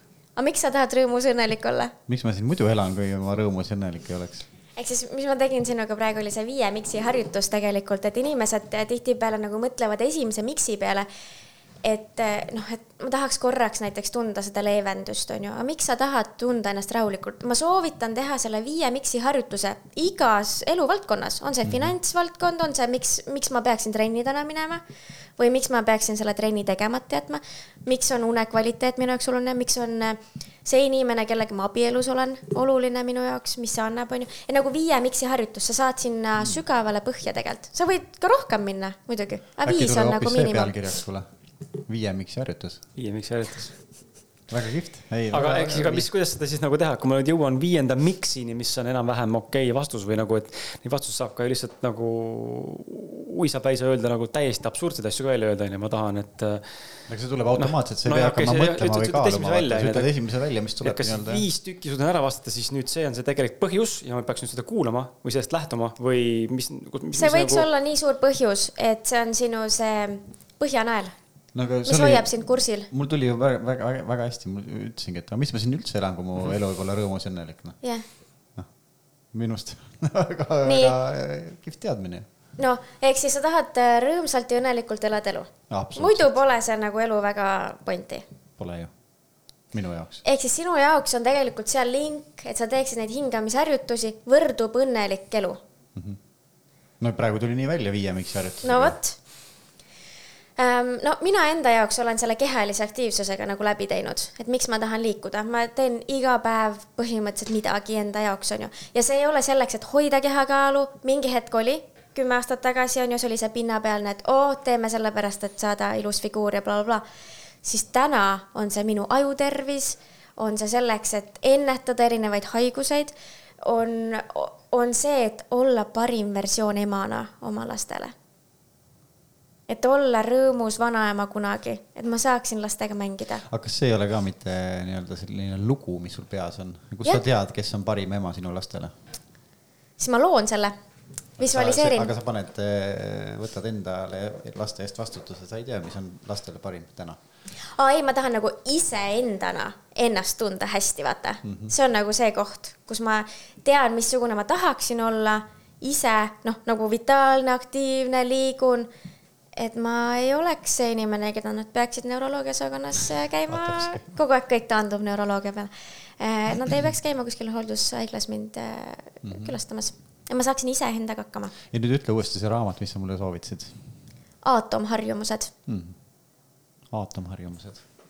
panen kirja. Kris, anna pastakalt mulle. aitab väga hästi luua väga väikeste sammudega sinule tõhusat mustrit, mis sul on vaja, mida sa ise soovid luua endale. no ma ütlen juba, et tasus tulla siia podcast'i, noh. tead, mis on hästi hea harjutus, kuidas äh, linkida mitte toimivad asjad, mida sa tahaksid panna toimima. nii, näiteks, kui sul on hingamisharjutused, kas sul on hommikuti mingi tegevus, mida sa teed alati automaatselt? ja teed, vaatan, teed NB, endale vaatan NBA tulemusi nagu päriselt? ja, ja, ja ma olen Nii. äh, lapsest saati NBA fänn okei okay,, siis sul on niimoodi, et alates homsest sa ei tohi vaadata enne NBA arju, neid äh, tulemusi, kui sa oled teinud ära viis hingamisharjutust. sa lingid millegi nii automaatsega, a la nagu hammaste pesu on meie, loodetavasti meie kõigi jaoks väga loomulik tegevus hommikul, õhtul. kui sa teeksid näiteks, sa tahaksid näiteks teha viis kükki päevas, siis sa lingiksid selle, selle harjumusega, mida sa teed nagunii kellel on see kohvimasina sisse lülitamine, on ju, ja vajutad nuppu, siis samal ajal sa teed midagi ära, mida sa tahaksid luua oma ellu. on see siis hingamisharjutus, on see siis kükk, on see siis viis kätekõverdust. sa lood seose millegagi, mis on nii automaatne sinu elus hmm.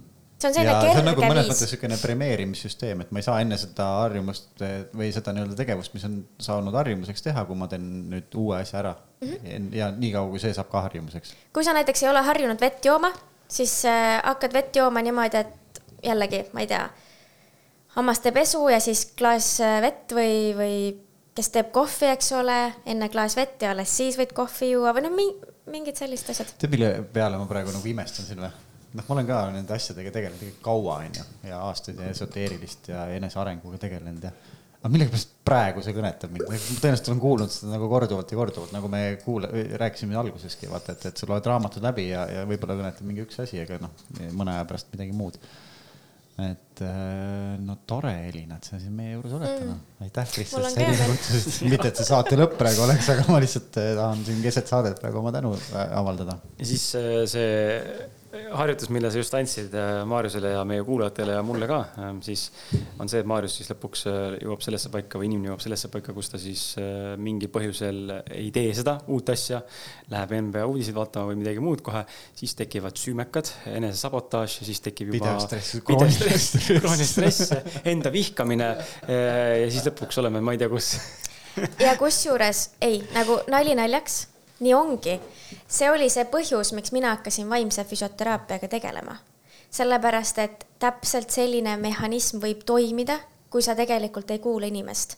ja kui see inimene näiteks, näiteks migreenik, kellel on all ka depressioon või ärevus või paanikahood ja ta tuleb minu juurde selleks, et ma annaks talle pannkoogi retsepti, selleks, et ma annaks talle need viis harjutust, kuidas tugevdada oma kaelalihaseid, näolihaseid võib-olla lõdvestada. ja ta tahab seda ja võib-olla ta ei tea, et ta tahab seda, aga see on nii-öelda nagu tööülesanne on ju, anda. muidu ma ei ole füsioterapeut ju. ja, ja ma annan selle, siis täpselt seesama mehhanism toimibki.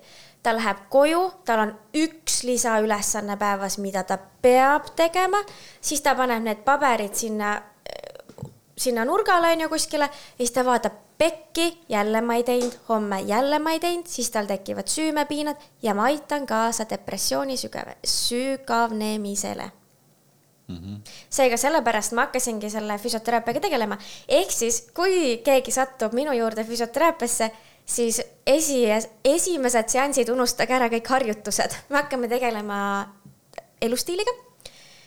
missugune on sinu keskkond missugune on sinu une kvaliteet, missugune on sinu liikumisrežiimid, kas sa oled harjunud, kas sa vihkad liikumist, kas jooksmine tekitab sinus judinaid, kas see tekitab juba sulle seda ähm, veremaitset suhu ja tekib tunne, nagu sa teeksid Cooperi testi, on ju. ehk siis nagu need on need uskumused, need on need keskkond, missugust inimesed sind ümbritsevad, kas äh, inimesed on toetavad, kõik see mõjutab nii palju ja kui ma annan sulle lihtsalt jälle posu ülesandeid juurde, meil on kõigil piisavalt palju ülesandeid elus meile tuleb neid meile uksest sisse, aknast sisse, inimesed ütlevad, kuule, selle tähtaeg oli eile, homme. me olemegi ainult tsüklis kogu aeg, kogu aeg me mõtleme, issand, mul on nii palju, see to-do list on lihtsalt lõputu. ja kui füsioterapeut annab ühe asja veel juurde, milles fail ida, siis ma tunnen, et ma olen päris halb füsioterapeut kahtlen, kahtlen, et sa oled, aga. ei, aga see oli see tunne, mis, mis, mis, mis viis mind sinnani, mille pärast ma tundsin, et neuroloogia osakonnas töötades ma ei saa ainult olla füsioterapeut, vaid ma pean hakkama inimestega tegelema.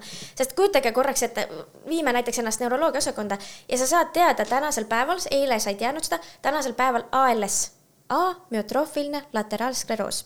kõige kuulsam ALS-i patsient Jane Paberit, kes kirjutas ka raamatu Mitte ükski lihas ei liigu. temaga ma sain vestelda. võib-olla olete tuttavad tema siis nagu looga tema sai ALS-i diagnoosi, millest äh, kahjuks välja ei tule, inimeste elulemus on üks kuni viis aastat maksimum, tavaliselt kolm aastat.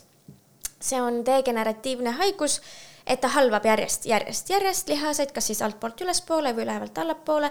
lõpuks see inimene lihtsalt sureb väga piinarikkalt meil on täna nii depressiivne, issand teema, aga igatahes ähm, ja teate, see paneb asjad nagu perspektiivi, onju. kui nüüd täna tuleb sinu juurde neuroloog, kes ütleb, et teate, mul on väga kahju, aga teil on selline haigus, elulemus üks kuni kolm aastat. mis te arvate, kas nüüd järgmisena sa tahaksid näha ühte füsioterapeuti, kes ütleb, nii, hakkame hingamisharjutusi tegema?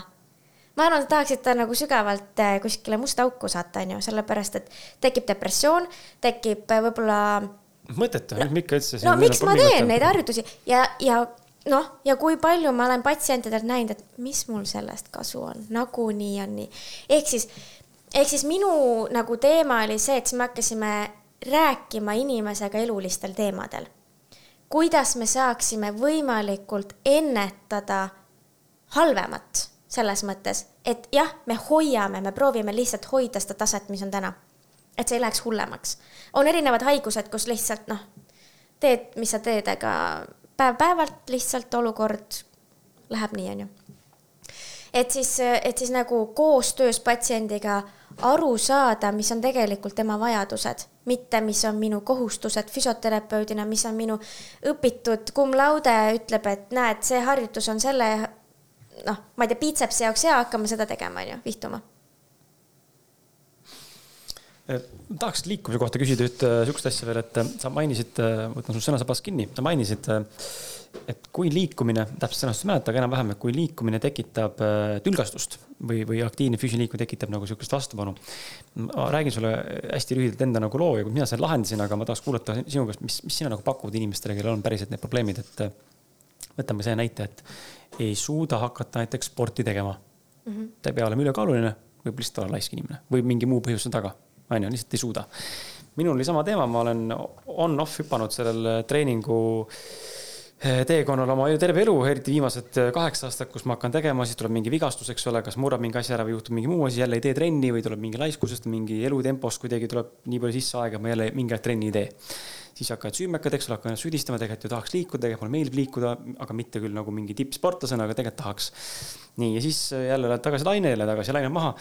siis mul käis, me käis külas siin Gert Kovit Eh, kes andis mulle, mitte saate sees, aga saate väliselt andis väga ja vaatas mu treeningkava, mida ma olen siiamaani nagu teinud enam-vähem aastate jooksul. ütles, et aga mis siis on, kui võib-olla see, et sa põled läbi nii kiiresti alguses kohe, et sa lähed nii suure tuhinaga peale, sa jõuad teha küll, selles mõttes selle koormuse juures. aga emotsionaalselt ja vaimselt on see niivõrd suur kurnav nagu töö, stressor, sest tegelikult ma ei naudi sel hetkel, kui ma hakkan trenni alles tegema. ma tegelikult jälestan seda tegemist, jälle pean minema tegema. üldse ei viitsi, ei huvita, ma ei taha, see on nii raske, see on valus, ebameeldiv, eriti jalga treenimine. tule minuga trenni. just, ja siis ma hakkasin tegema seda, et ma tegin kolm korda nädalas ja täna ma teen nüüd juba neli kuud järjest, mul on kaal tõusnud, mul on äh, lihasmass tõusnud, äh, rasvaprotsent ilmselt on suhteliselt sama. nüüd ma naudin. nüüd ma ei näe enam jälle, nüüd ma olen samas kohas, kus ma olin umbes kaheksa aastat tagasi Austraalias, kus ma nägin, et ma ei näe enam siin peatamist. ei näe siin enam peatamist, sest nüüd mul on nagu see motivatsioon, inspiratsioon, ma näen tulemusi, ma tahan rohkem, ma näen seda efekti, eks ole. ma tean, nüüd ma jätkan, kõik on tipp-topp, kuni siis tekkis õnnetus tookord seal mis tegi pausi. et aga miks, miks, mida sina nagu soovitada, kas see on tõesti see, et on läbipõlemine, et liiga suur, liiga suur koormus kohe, vaatamata sellele või sõltumata sellest, tegelikult füüsiline keha tuleb selle stressoriga toime, selle koormusega, siis vaimselt on raske. või mida sina soovitaksid siis äh, neuroloogina või füsioterapeudina, doktor, et, et mida siis, kuidas siis arst, arst, inimene, inimene saaks äh, tegelikult hakata taas treenima niimoodi, et ta, see muutub talle nauditavaks, sõltumata tema enda siis tingimustest oi kui hea, mulle väga meeldis, sa oled nii nagu prototüüp, selles mõttes nagu väga tavaline, tegelikult ka, sorry, mitte midagi erilist, mitte midagi erilist.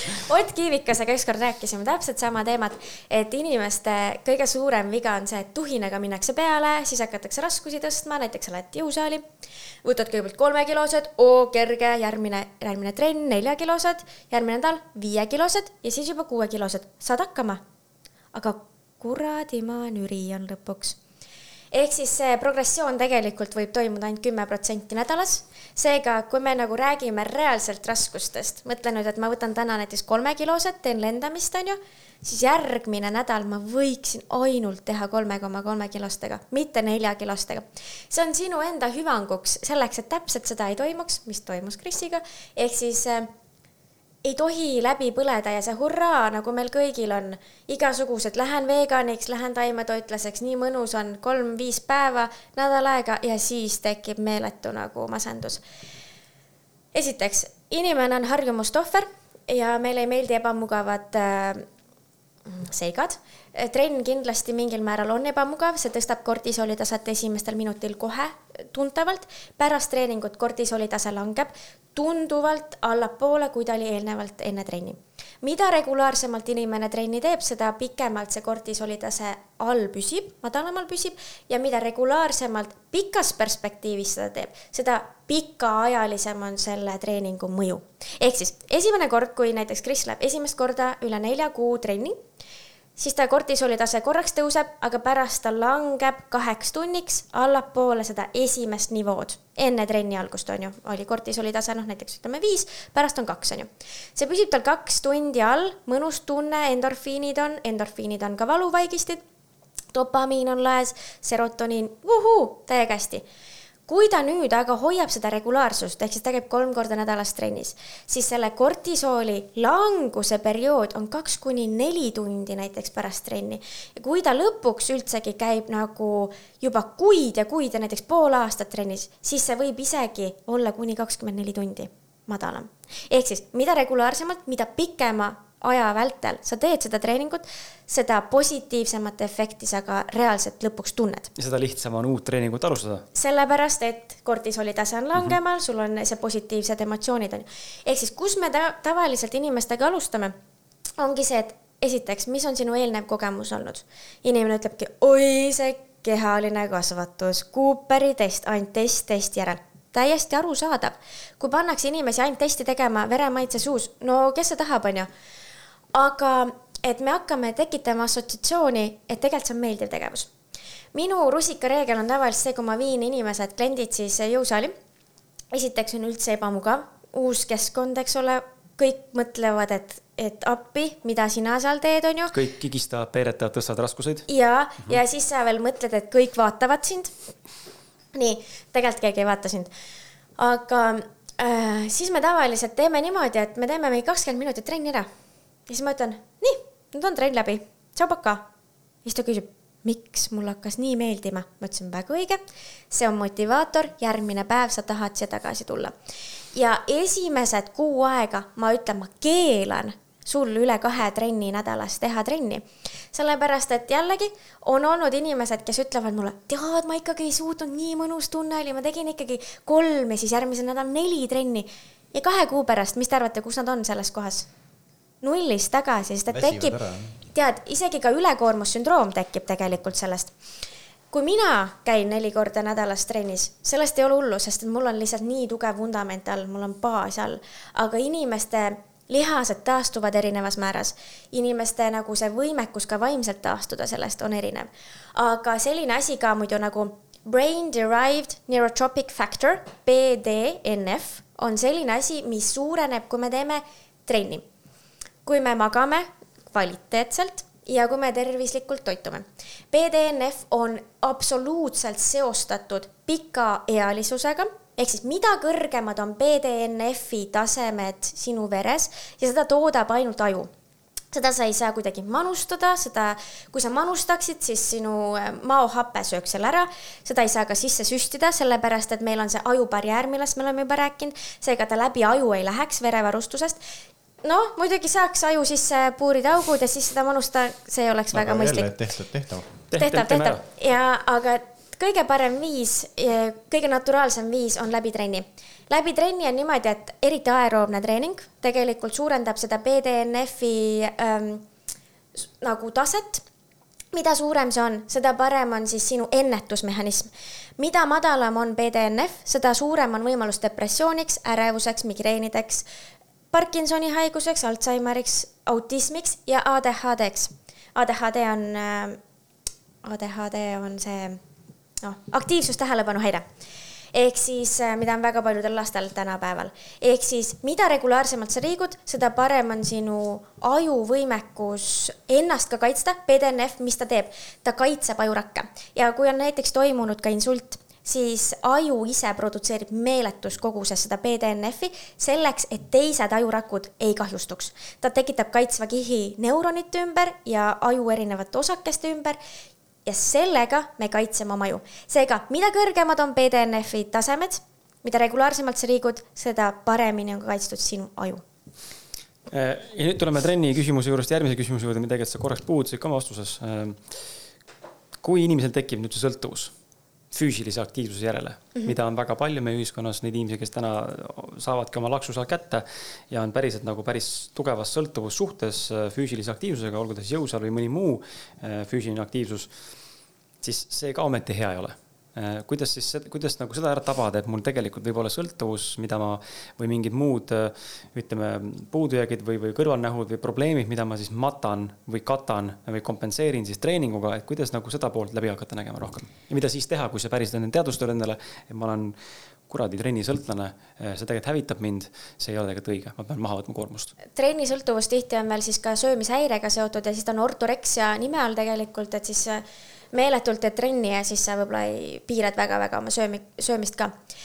üks asi on ikkagi need normid, WHO andmetel, World Health Organizationi andmetel võiks teha mõõdukat kehalist aktiivsust sada viiskümmend kuni kolmsada minutit nädalas, kolmsada on siis see lagi, ja tugevat kehalist aktiivsust seitsekümmend viis kuni sada viiskümmend minutit nädalas. tugev kehaline aktiivsus, tabata, hiit, sellised, mis tõstavad su pulssi väga korralikult no üle selle nagu noh, ei peaks minema, selles mõttes, kui sa paar minutit lähed üle selle, siis ei ole hullu, aga iseenesest enamasti tegelikult inimesed, üldpopulatsioon ei saa üldse seda kätte sest et see mõõdukas kehaline aktiivsus ikkagi juba on sörk ja sellised asjad, aga kui see on juba ikkagi väga suures korrelatsioonis, et ta on väga palju üle selle, siis tegelikult peaks ikkagi väga tugevalt vaatama. sul on suurenenud risk erinevateks äh, lihasvigastusteks, sa kurnud oma aju niimoodi üle, et tegelikult ju kehaline aktiivsus ülimalt loob loovust. ta võimat-, võimend-, võimendab siis sinu ajuvõimekust, sa oled midagi selgeks õppinud, eks ole, siis sa lähed liikuma ja sinu loovus alaneb läbi selle, et ajusse viiakse rohkem verd. Verevarustus paraneb, sinu ajuosad saavad rohkem toitaineid, rohkem glükoosi, rohkem häid aineid, on ju. ja selle tulemusena, küll aga ületreening hoopiski pärsib seda sellepärast et ületreeningu korral ega ei viida siis äh, kogu aeg ainult aiu, vaid siis on vaja lihastesse seda äh, verd rohkem viia, sellepärast et laktaat on juba kõrgel ja erinevad tegelikult siis hakkad, siis hakatakse, kui tehakse liialt ületrenni, siis hakatakse see katabolismi mehhanism ehk siis lihaste lõhkumine on suurenenud, mis tähendab, et ka jääkained suurenevad, mis tähendab, et sinu keha immuunsüsteem langeb, sinu maks peab mata-, metaboliseerima siis väga palju erinevaid jääkaineid, kusihapet, laktaati, erinevaid, erinevaid asju seal ja lõpuks see nii-öelda nagu ehitamine üles on vaevaline ja see on kurnav organismile ehk siis ma tegin kiire kalkuleerimise, kolmsada minutit nädalas, ütlesid, on see kuskil viimane piir, eks ole mm -hmm., soovitatud piir. mul on kaks küsimust, et kui mul on kakssada seitsekümmend minutit praegu äh, kolme trenni juures, poolteist tundi on trenn umbes. pikemad trennid kolm nädalas annab kakssada seitsekümmend minutit, seega mina ei tohiks või soovituslikult ei võiks siis tõsta seda koormust. või, oma küsimuse juurde nüüd, kas see on, kuna inimene ei ole pannkogu retsept, siis kas see on ka adapteeruv, et mingi hetk mul see kolmesajast nädalas minutist võib saada viissada minutit nädalas ja see on okei okay minu keha jaoks ei, äh, see ei, noh, selles mõttes jah, on, sellepärast Ironmanid ju ilmselgelt mm -hmm. treenivad rohkem. samas Iron, noh, ma ise ju tean ah, ka. jookseb triatlone. ma ei ole veel Ironmanil, ma tahan poolikul Ironmanil äh, nüüd ülejärgmisel aastal osaleda küll, aga jah, lühemaid triatloni distantse ma teen ja treeningud on ka ikkagi suht mahukad. küll aga, mis trenni sa teed, jõutrenni või teed aeroobset trenni? Calisthenics ehk keharaskusega ja jõusaali harjutused äh, segu mm. -hmm. see sõltub nüüd pulsi sagedusest sul. Äh, see, et sa teed näiteks trenni kuuskümmend minutit, ei ole võrdne mõõduka intensiivsusega. pulss on pigem ma madalapoolsem, mitte nagu väga nagu pallimängudes. siis võib isegi olla, et sa isegi näiteks ei sada, sadat viitekümmet tegelikult mm. kätte. Äh, kui mina tegin jõusaali treeninguid sellise oma keharaskusega või siis vabade raskustega, siis tihtipeale see pulss on seal saja kümne, saja viie juures, mis tegelikult üldse ei lähe üle lävendi mm. -hmm lävend hakkab saja kahekümnest alates.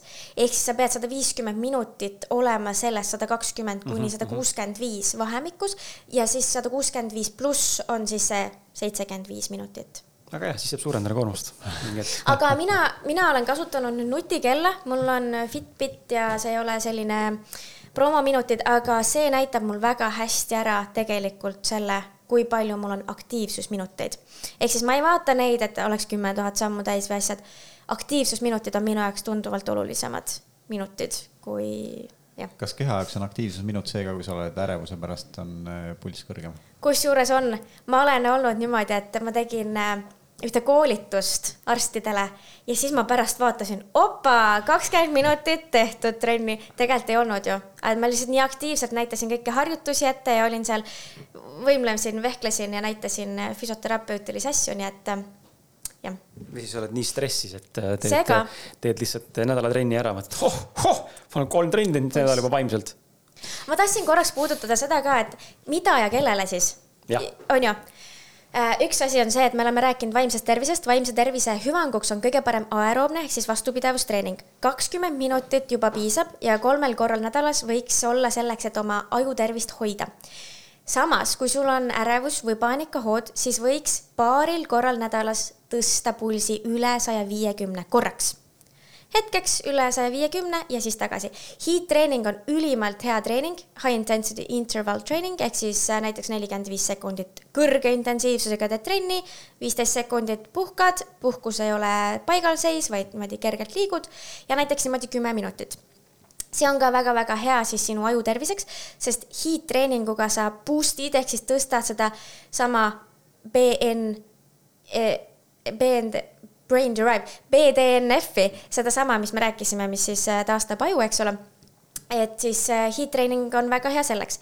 samas jõutreening on ülimalt oluline naistele ja meestele siis lihastugevuseks ja siis luutugevuseks.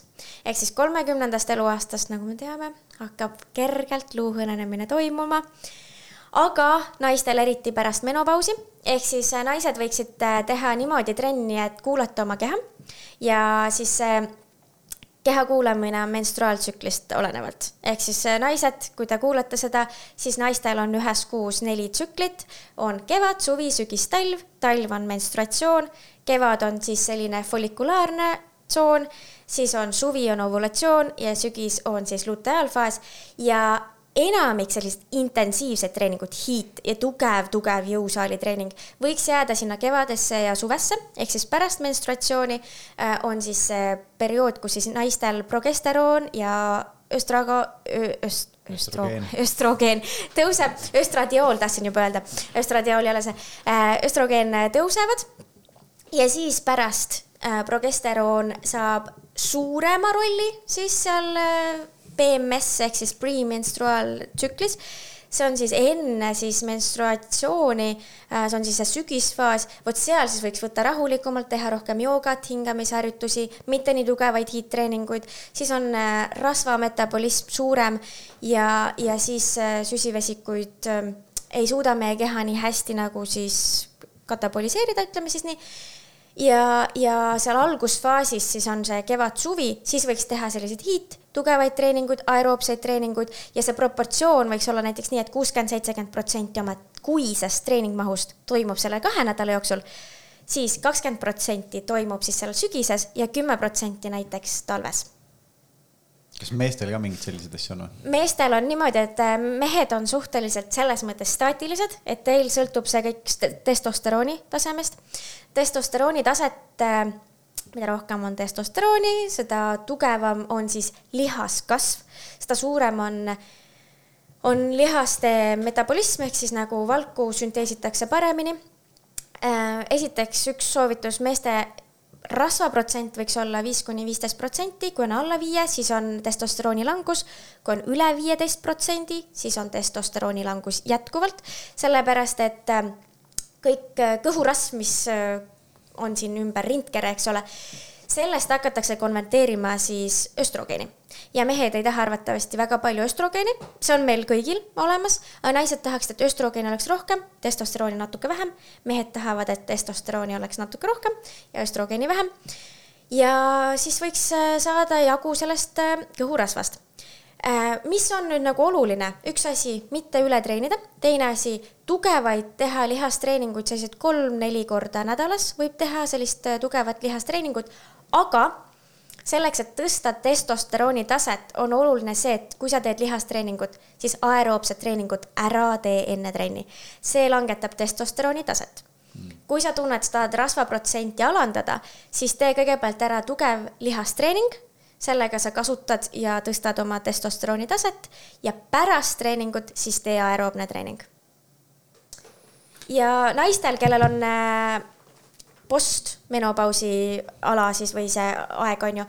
Äh, perimenopaus võib kesta kaks kuni kümme aastat ja siis on postmenopaus ehk siis kui menopau-, kui menstruatsioon enam ei toimu kaksteist kuud, siis on äh, menopaus siis eh, nendel naistel on hästi oluline tegeleda vaagnapõhjalihastega, eh, kuulata oma keha selle poolest, et eh, östrogeeni ja progesterooni langusega tulevad ju erinevad asjad nagu hot flashes ehk siis kuuma-külma hood, tuju regulatsioon langeb, sellepärast et progesteroon on see, mis tavaliselt tekitab sellist maandust, sellist grounding efekti. ja kuna need langevad, siis naised tihtipeale tunnevad ennast ärritumalt, ärritunumalt ehk siis siis on vaja hästi nagu jälgida seda, et mis hetkel sa tunned ennast hästi, vähendada keharasva protsenti, sellepärast et sama asi hakkab toimuma. östrogeen aitab naistel viia kaltsiumit luudesse, mis tähendab, et pärast menopausi hakkab see luu hõrenemine naistel saab hoogu juurde ja sellepärast on ülimalt oluline, et naised vitaalses eas, kui neil on menstruatsioon, tegeleksid väga tugevalt luude lihaste tugevdamisega ja seda saab ainult läbi jõutreeningu teha. ehk siis läbi jooksmise, läbi jooga, joogaga natukene, aga läbi keharaskustega treeningu väga hästi saab tõsta oma luumassi, lihassuurust, lihas vastupidavust. ja kui mehed tahavad, oleneb, mis on, on ju, mis on eesmärk, see kõik sõltub sellest. äkki Arno klassikule minna? kui sa tahad lihaskasvu, kui sa tahad lihasjõudu siis on üks kuni kuus reppi, ehk siis see nagu korgud, kordustarv on väiksem, aga raskused on suuremad. kui sa tahad äh, esteetilist äh, vaatevinklit, siis on selline kaheksa kuni viisteist kordust siis äh, mingisuguse raskusega, mida sa jaksad kuni viisteist kordust tõsta. kui sa juba jaksad seda rohkem tõsta, ehk siis lihasväsimust ei teki, siis võta suurem raskus. kui sa ei suuda kahteteist kordust ära teha, siis äh, võta väiksem raskus. ja kui sa tahad jõu vastupidavust tekitada. ehk siis sa pead saama, noh näiteks ma ei tea, planku hoida on ju kuus minutit, siis on oluline siis suured kordused keharaskusega. kuuskümmend kordust, käärhüpped näiteks, äh, squat'id, kükid, sellised asjad, mida sa suudad väga kaua teha, aga mis tekib, on selline põletav, kõrvetav tunne. ehk siis mitte see, et mul reaalselt läheb lihtsalt jalg alt ära, mis läheb näiteks noh, ma ei tea, ma hakkan rinnalt suruma viitekümmet kilo, ma lihtsalt ei jaksa, vaata. mul lihtsalt noh, käsi käsi kukub, on ju, ma lihtsalt ei jaksa. et siis see, kui ma ei jaksa, see siis äh, kasvatab minu jõudu, aga see, kui tekib selline magus valu, selline kõrvetav tunne, see siis kasvatab minu lihas vastupidavust no kas see kõrvetav tunne, ma mäletan jälle sellest võrkpalliajast, kui me tegime neid hüppetreeninguid, no see ajas südame pahaks lõpuks, noh, see oli mm -hmm. nagu nii rõve. aga noh, muidugi hüpe oleks palju paremaks, et kas see tervisele ei ole kuidagi kahjulik jälle, et et kui ma hakkan siin neljakümne aastaselt mingisuguseid äh, siukseid kõrvetavaid valusid endas tekitama, mis ajavad südame pahaks, et kus see piir nagu on? Ma arvan, et see piir on täpselt nii palju, kui sa talud ja kui palju sa tahad, mis on sinu eesmärk ikkagi. kui sa tahad minna võib-olla Ironmanile ja saada number üheks, on ju Hawaii'l, siis arvatavasti natuke on seda vaja, seda ebamugavustsooni tõsta, aga kui sa tunned, et sa tahad lihtsalt oma vaimset tervist hoida, lihtsalt ennast nii-öelda ilusana hoida ja ennast hästi enda kehas tunda, siis ei ole vaja aga ma arvan, et see variatiivsus on tegelikult see võtmesõna ka, ehk siis, et ära jää nagu ühe treeningstiili peale, et kui sa tõstad kogu aeg raskusi, siis vahepeal võiksid katsetada midagi muud. vahepeal tee natukene aeroobset, vahepeal proovi mingit uut rühmatrenni või proovi mingit uut jõusaali mingit kava. et seda variatiivsust, natuke proovi pilates, proovi seda joogat, hingamisharjutusi mul on äh, tegelikult küsimus tekkis juba varem, vahepeal läks meelest ära, oli just see, selle, need inimesed ja patsiendid, kes tulevad, eks sinu juurde tegelikult ei taha kodus teha, sa rääkisid ka, et nad käivad nüüd sinu juures, saavad passiivselt seda. et see tahe peab ju tulema tegelikult muutuda või, või neid asju, harjutusi teha inimeselt endalt. tihtipeale, kellel seda tahet ei ole või kes veel tegelikult elukogemust ei oma, on lapsed, kui neil on vaja äh, mingisuguseid harjutusi kodus teha mis soovitus sul seal on, et kuidas nagu lapsega näiteks rääkida, kuidas last nagu motiveerida mingisuguseid harjutusi tegema, mis temal nagu kauges vaates võib-olla ei ole veel seda aimu, vaata, et kui ta neid täna ei tee, et, et noh, no mis siis ikka mul praegu on ju okei okay,, onju. Pole võib-olla sellist sotsiaalset nii suurt läbikäimist, võib-olla veel naised või tüdrukud, poisid ei meeldi, et, et see annab alati nii-öelda sellise nii-öelda lisamotivatsiooni. aga kuidas nendega näiteks rääkida, on sul mingeid kogemusi sellega? ma oleks eeskuju, tegelikult et kui lapsel on näiteks füsioterapeut andnud seljalihaste harjutused, viska see kõhuli maha, matt maha, tee koos lapsega, näita eeskuju. ma ei tea, minu laps on veel, no okei okay,, ta saab kohe viieseks, vanem laps, aga tema nagu ülimalt naudib minuga trenni tegemist, ta küsib, mul on muidugi treeninggrupp ka, virtuaalne, me teeme kodus iga päev, mitte iga päev, aga no üle päeviti teeme koos trenni. no sada kuuskümmend viis inimest, kes liiguvad koos minuga ja väga paljud on öelnud, et ma vihkasin kodus harjutuste tegemist, ma vihkasin kodus trenni tegemist ja aitäh, Helina, et sa näitasid mulle, et viie või kümne minutiga saab ka väga korraliku trenni tehtud. ehk siis äh, ma arvan, et see on nagu ka sellise sõnastamise küsimus, et kuidas sa ise seda treeningut näed, kas sa näed seda kui piinamist peab ära tegema või see on nagu selline fun, paned oma lemmik, lemmikmussi peale ja siis teed paar kiiremat liigutust, et, et kuidas sa nagu seda asja näed? ei no äh, lihtsalt äh, sa küsisid minu käest praegu ei no üleüldiselt kuulajate ah, kõigi käest, et noh, selles ja, mõttes, et okay., et, et tihtipeale on ka see, et kuidas me nagu ka kodus seda asja sõnastame, onju. ah, trenn jälle, okei okay., nojah, tee siis need seljaharjutused ära, ma tean, et on ülinõmedad, aga tee ära, vaata. et see on nagu hästi palju sa ka meie tegema. sisend ja mitte midagi elus ei pea tegema, olete kuulnud või?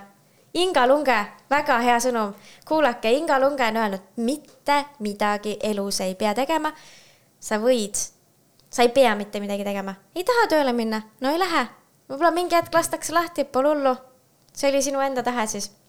ei pea koristama, mingi hetk lihtsalt need tolmurullid nii õudselt kuhjuvad, et sa lihtsalt tahad ja, ja aga noh, see ongi äh, täiskasvanud inimene oskab sealt järeldusi teha, onju, laps mõtleb, et ah, noh, tal ei ole pidanud seda. küll vanemad koristavad. seda vastutust ei pida, ei ole veel olnud, sellepärast nagu minu küsimus, eks.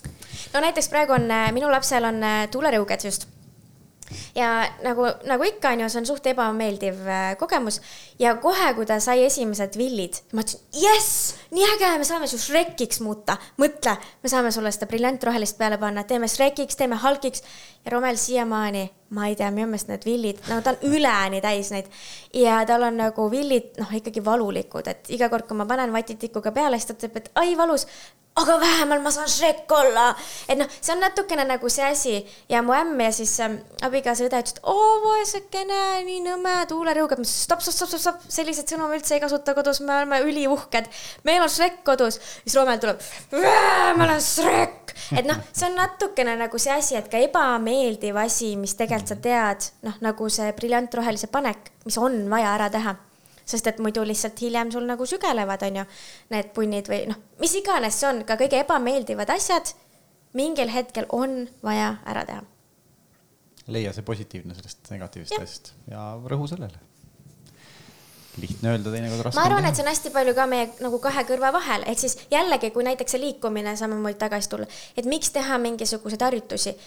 kelle jaoks, mis on motiveeriv? minu jaoks oleks motiveeriv see, et minu vanaema oli Parkinsoni haige ja minu jaoks see positiivne pool olekski see, et kui ma saaksin võimalikult kaua vitaalselt elada, ma teen nagu kõik selleks, ma söön selliseid toite, mis toetavad minu keha, minu mõistust, ma tahan ennast tunda hästi, see on minu see sügav miks minu see sügav miks on see, et ma tahan kogu aeg tunda, et mul kuskil ei valuta, mul ei ole valu, mul on valuvaba ja ma tunnen naudingut sellest. et ma saan võib-olla minna, kui ma tahan minna Mount Everestile, siis ma lähen sinna. kui ma tahan minna Ironmanile, siis ma lähen. et nagu ma proovin push ida mõistlikus piiris oma keha sinnani, et ma vaatan lihtsalt nagu, et milleks ta on võimeline. samas ma ei hoia teda selles nagu kannatuste ratas. aga samas ma nagu vahepeal pressin teda sinna, et oh, me suutsime selle asja teha, oh, äge on ju. väga lahe, väga lahe, sa oled väga inspireeriv inimene. aitäh et su häälest äh, kohe kõlab sihukest äh, elujõudu ja hüperaktiivsust, energilisust. aitäh jaa.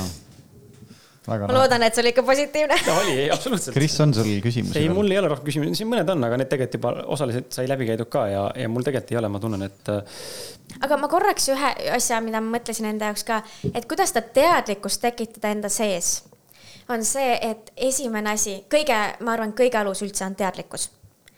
kui ma tean, et ma ei taha siin täna olla, ma ei taha sellel töökohal olla, ma ei taha sellises tervislikus seisundis olla, mul on ma ei räägi endast, on ju, me ei tohi mina vormi tegelikult kasutada siis, aga et, et kui sul on migreenid, kui sul on pingetüüpi päevalud ja need häirivad sind, nagu reaalselt häirivad, siis leia see võimalus, et mõelda, okei okay,, ma olen täna siin, nii, ja ma võtan nüüd pausi. paus, mõelda, tunnetada, viie meelega, kus ma täna olen sa teed juba midagi rohkem, kui sa tegid eile. see, kui me oleme automaatmehhanismis kogu aeg, me kogu aeg nagu käime, hommikul ärkame, teeme asja, õhtul lähme magama, hommikul jälle samamoodi, siis me ei muuda mitte midagi, mitte midagi meie elus ei muutu. kui me ei muuda oma toitumist, me ei tee neid puhastusi, me ei tee liikumist, kui me ei tee midagi teistsugust, siis meie tulevik ei tule lihtsalt teistsugune. ehk siis, kui sa tahad luua muutust, siis mõtle, okei okay,, täna ma olen siin mida ma saan teha, et ma oleks homme, ülehomme, aasta pärast, kümne aasta pärast teises kohas. ja võtta iga päev hetk, paus, kui tuleb meelde, paus. ma tajun, ma olen kohal, ma olen kohal ja mis ma saaksin täna ära teha selleks, et olla parem versioon endast. on see siis näiteks parem lõunasöögivalik, on see siis õhtul parema ma ei tea, unerežiimi juurutamine, paremate inimestega ümbritsemine, mingi podcast'i kuulamine, mingi raamatu, mida sa oled kogu aeg mõelnud, ma hakkan lugema, loe lõpuks ära, onju. mingid asjad, väiksed sammud, mis sa teed. mine viieks minutiks trenni, mine viieks minutiks jalutama, sul on lõunapaus, mine hinga korraks seda värsket õhku õues, tee midagi teistmoodi, midagi oma parema versiooni suunas nagu. joo täna natuke rohkem vett ja enne küsin, et viis, miks, eks ju, et miks sa seda Küsi. tegelikult tahad? et sa saad teada enda jaoks nagu, et miks sa tahad, kui keegi, näiteks ma olen eh, osade inimestega, kes teen ju veebiseminare, siis väga paljud ütlevad, oh, ma tahan finantsvabadust. aga miks? ma ei tea. et, et noh, kui sa nagu tead, miks sa tahad midagi saada, no küll sa siis saavutad selle, onju. kui see on nagu nii sügav ja tugev selline drive on ju sinu sees, see liikuma panev jõud. aga kui sa lihtsalt teed midagi sellepärast, et noh, tuleb haip peale nii-öelda, et kõik räägivad siin tead sellest finantsvabadusest on ju. et siis kas sa lähed selle massi, massihullusega kaasa või see on päriselt sinu jaoks oluline? et lähed sellega kaasa, sellepärast et no ise ka täpselt ei tea, aga no kõik teevad ju, siis kõik peab teevad, olema kihvt ja cool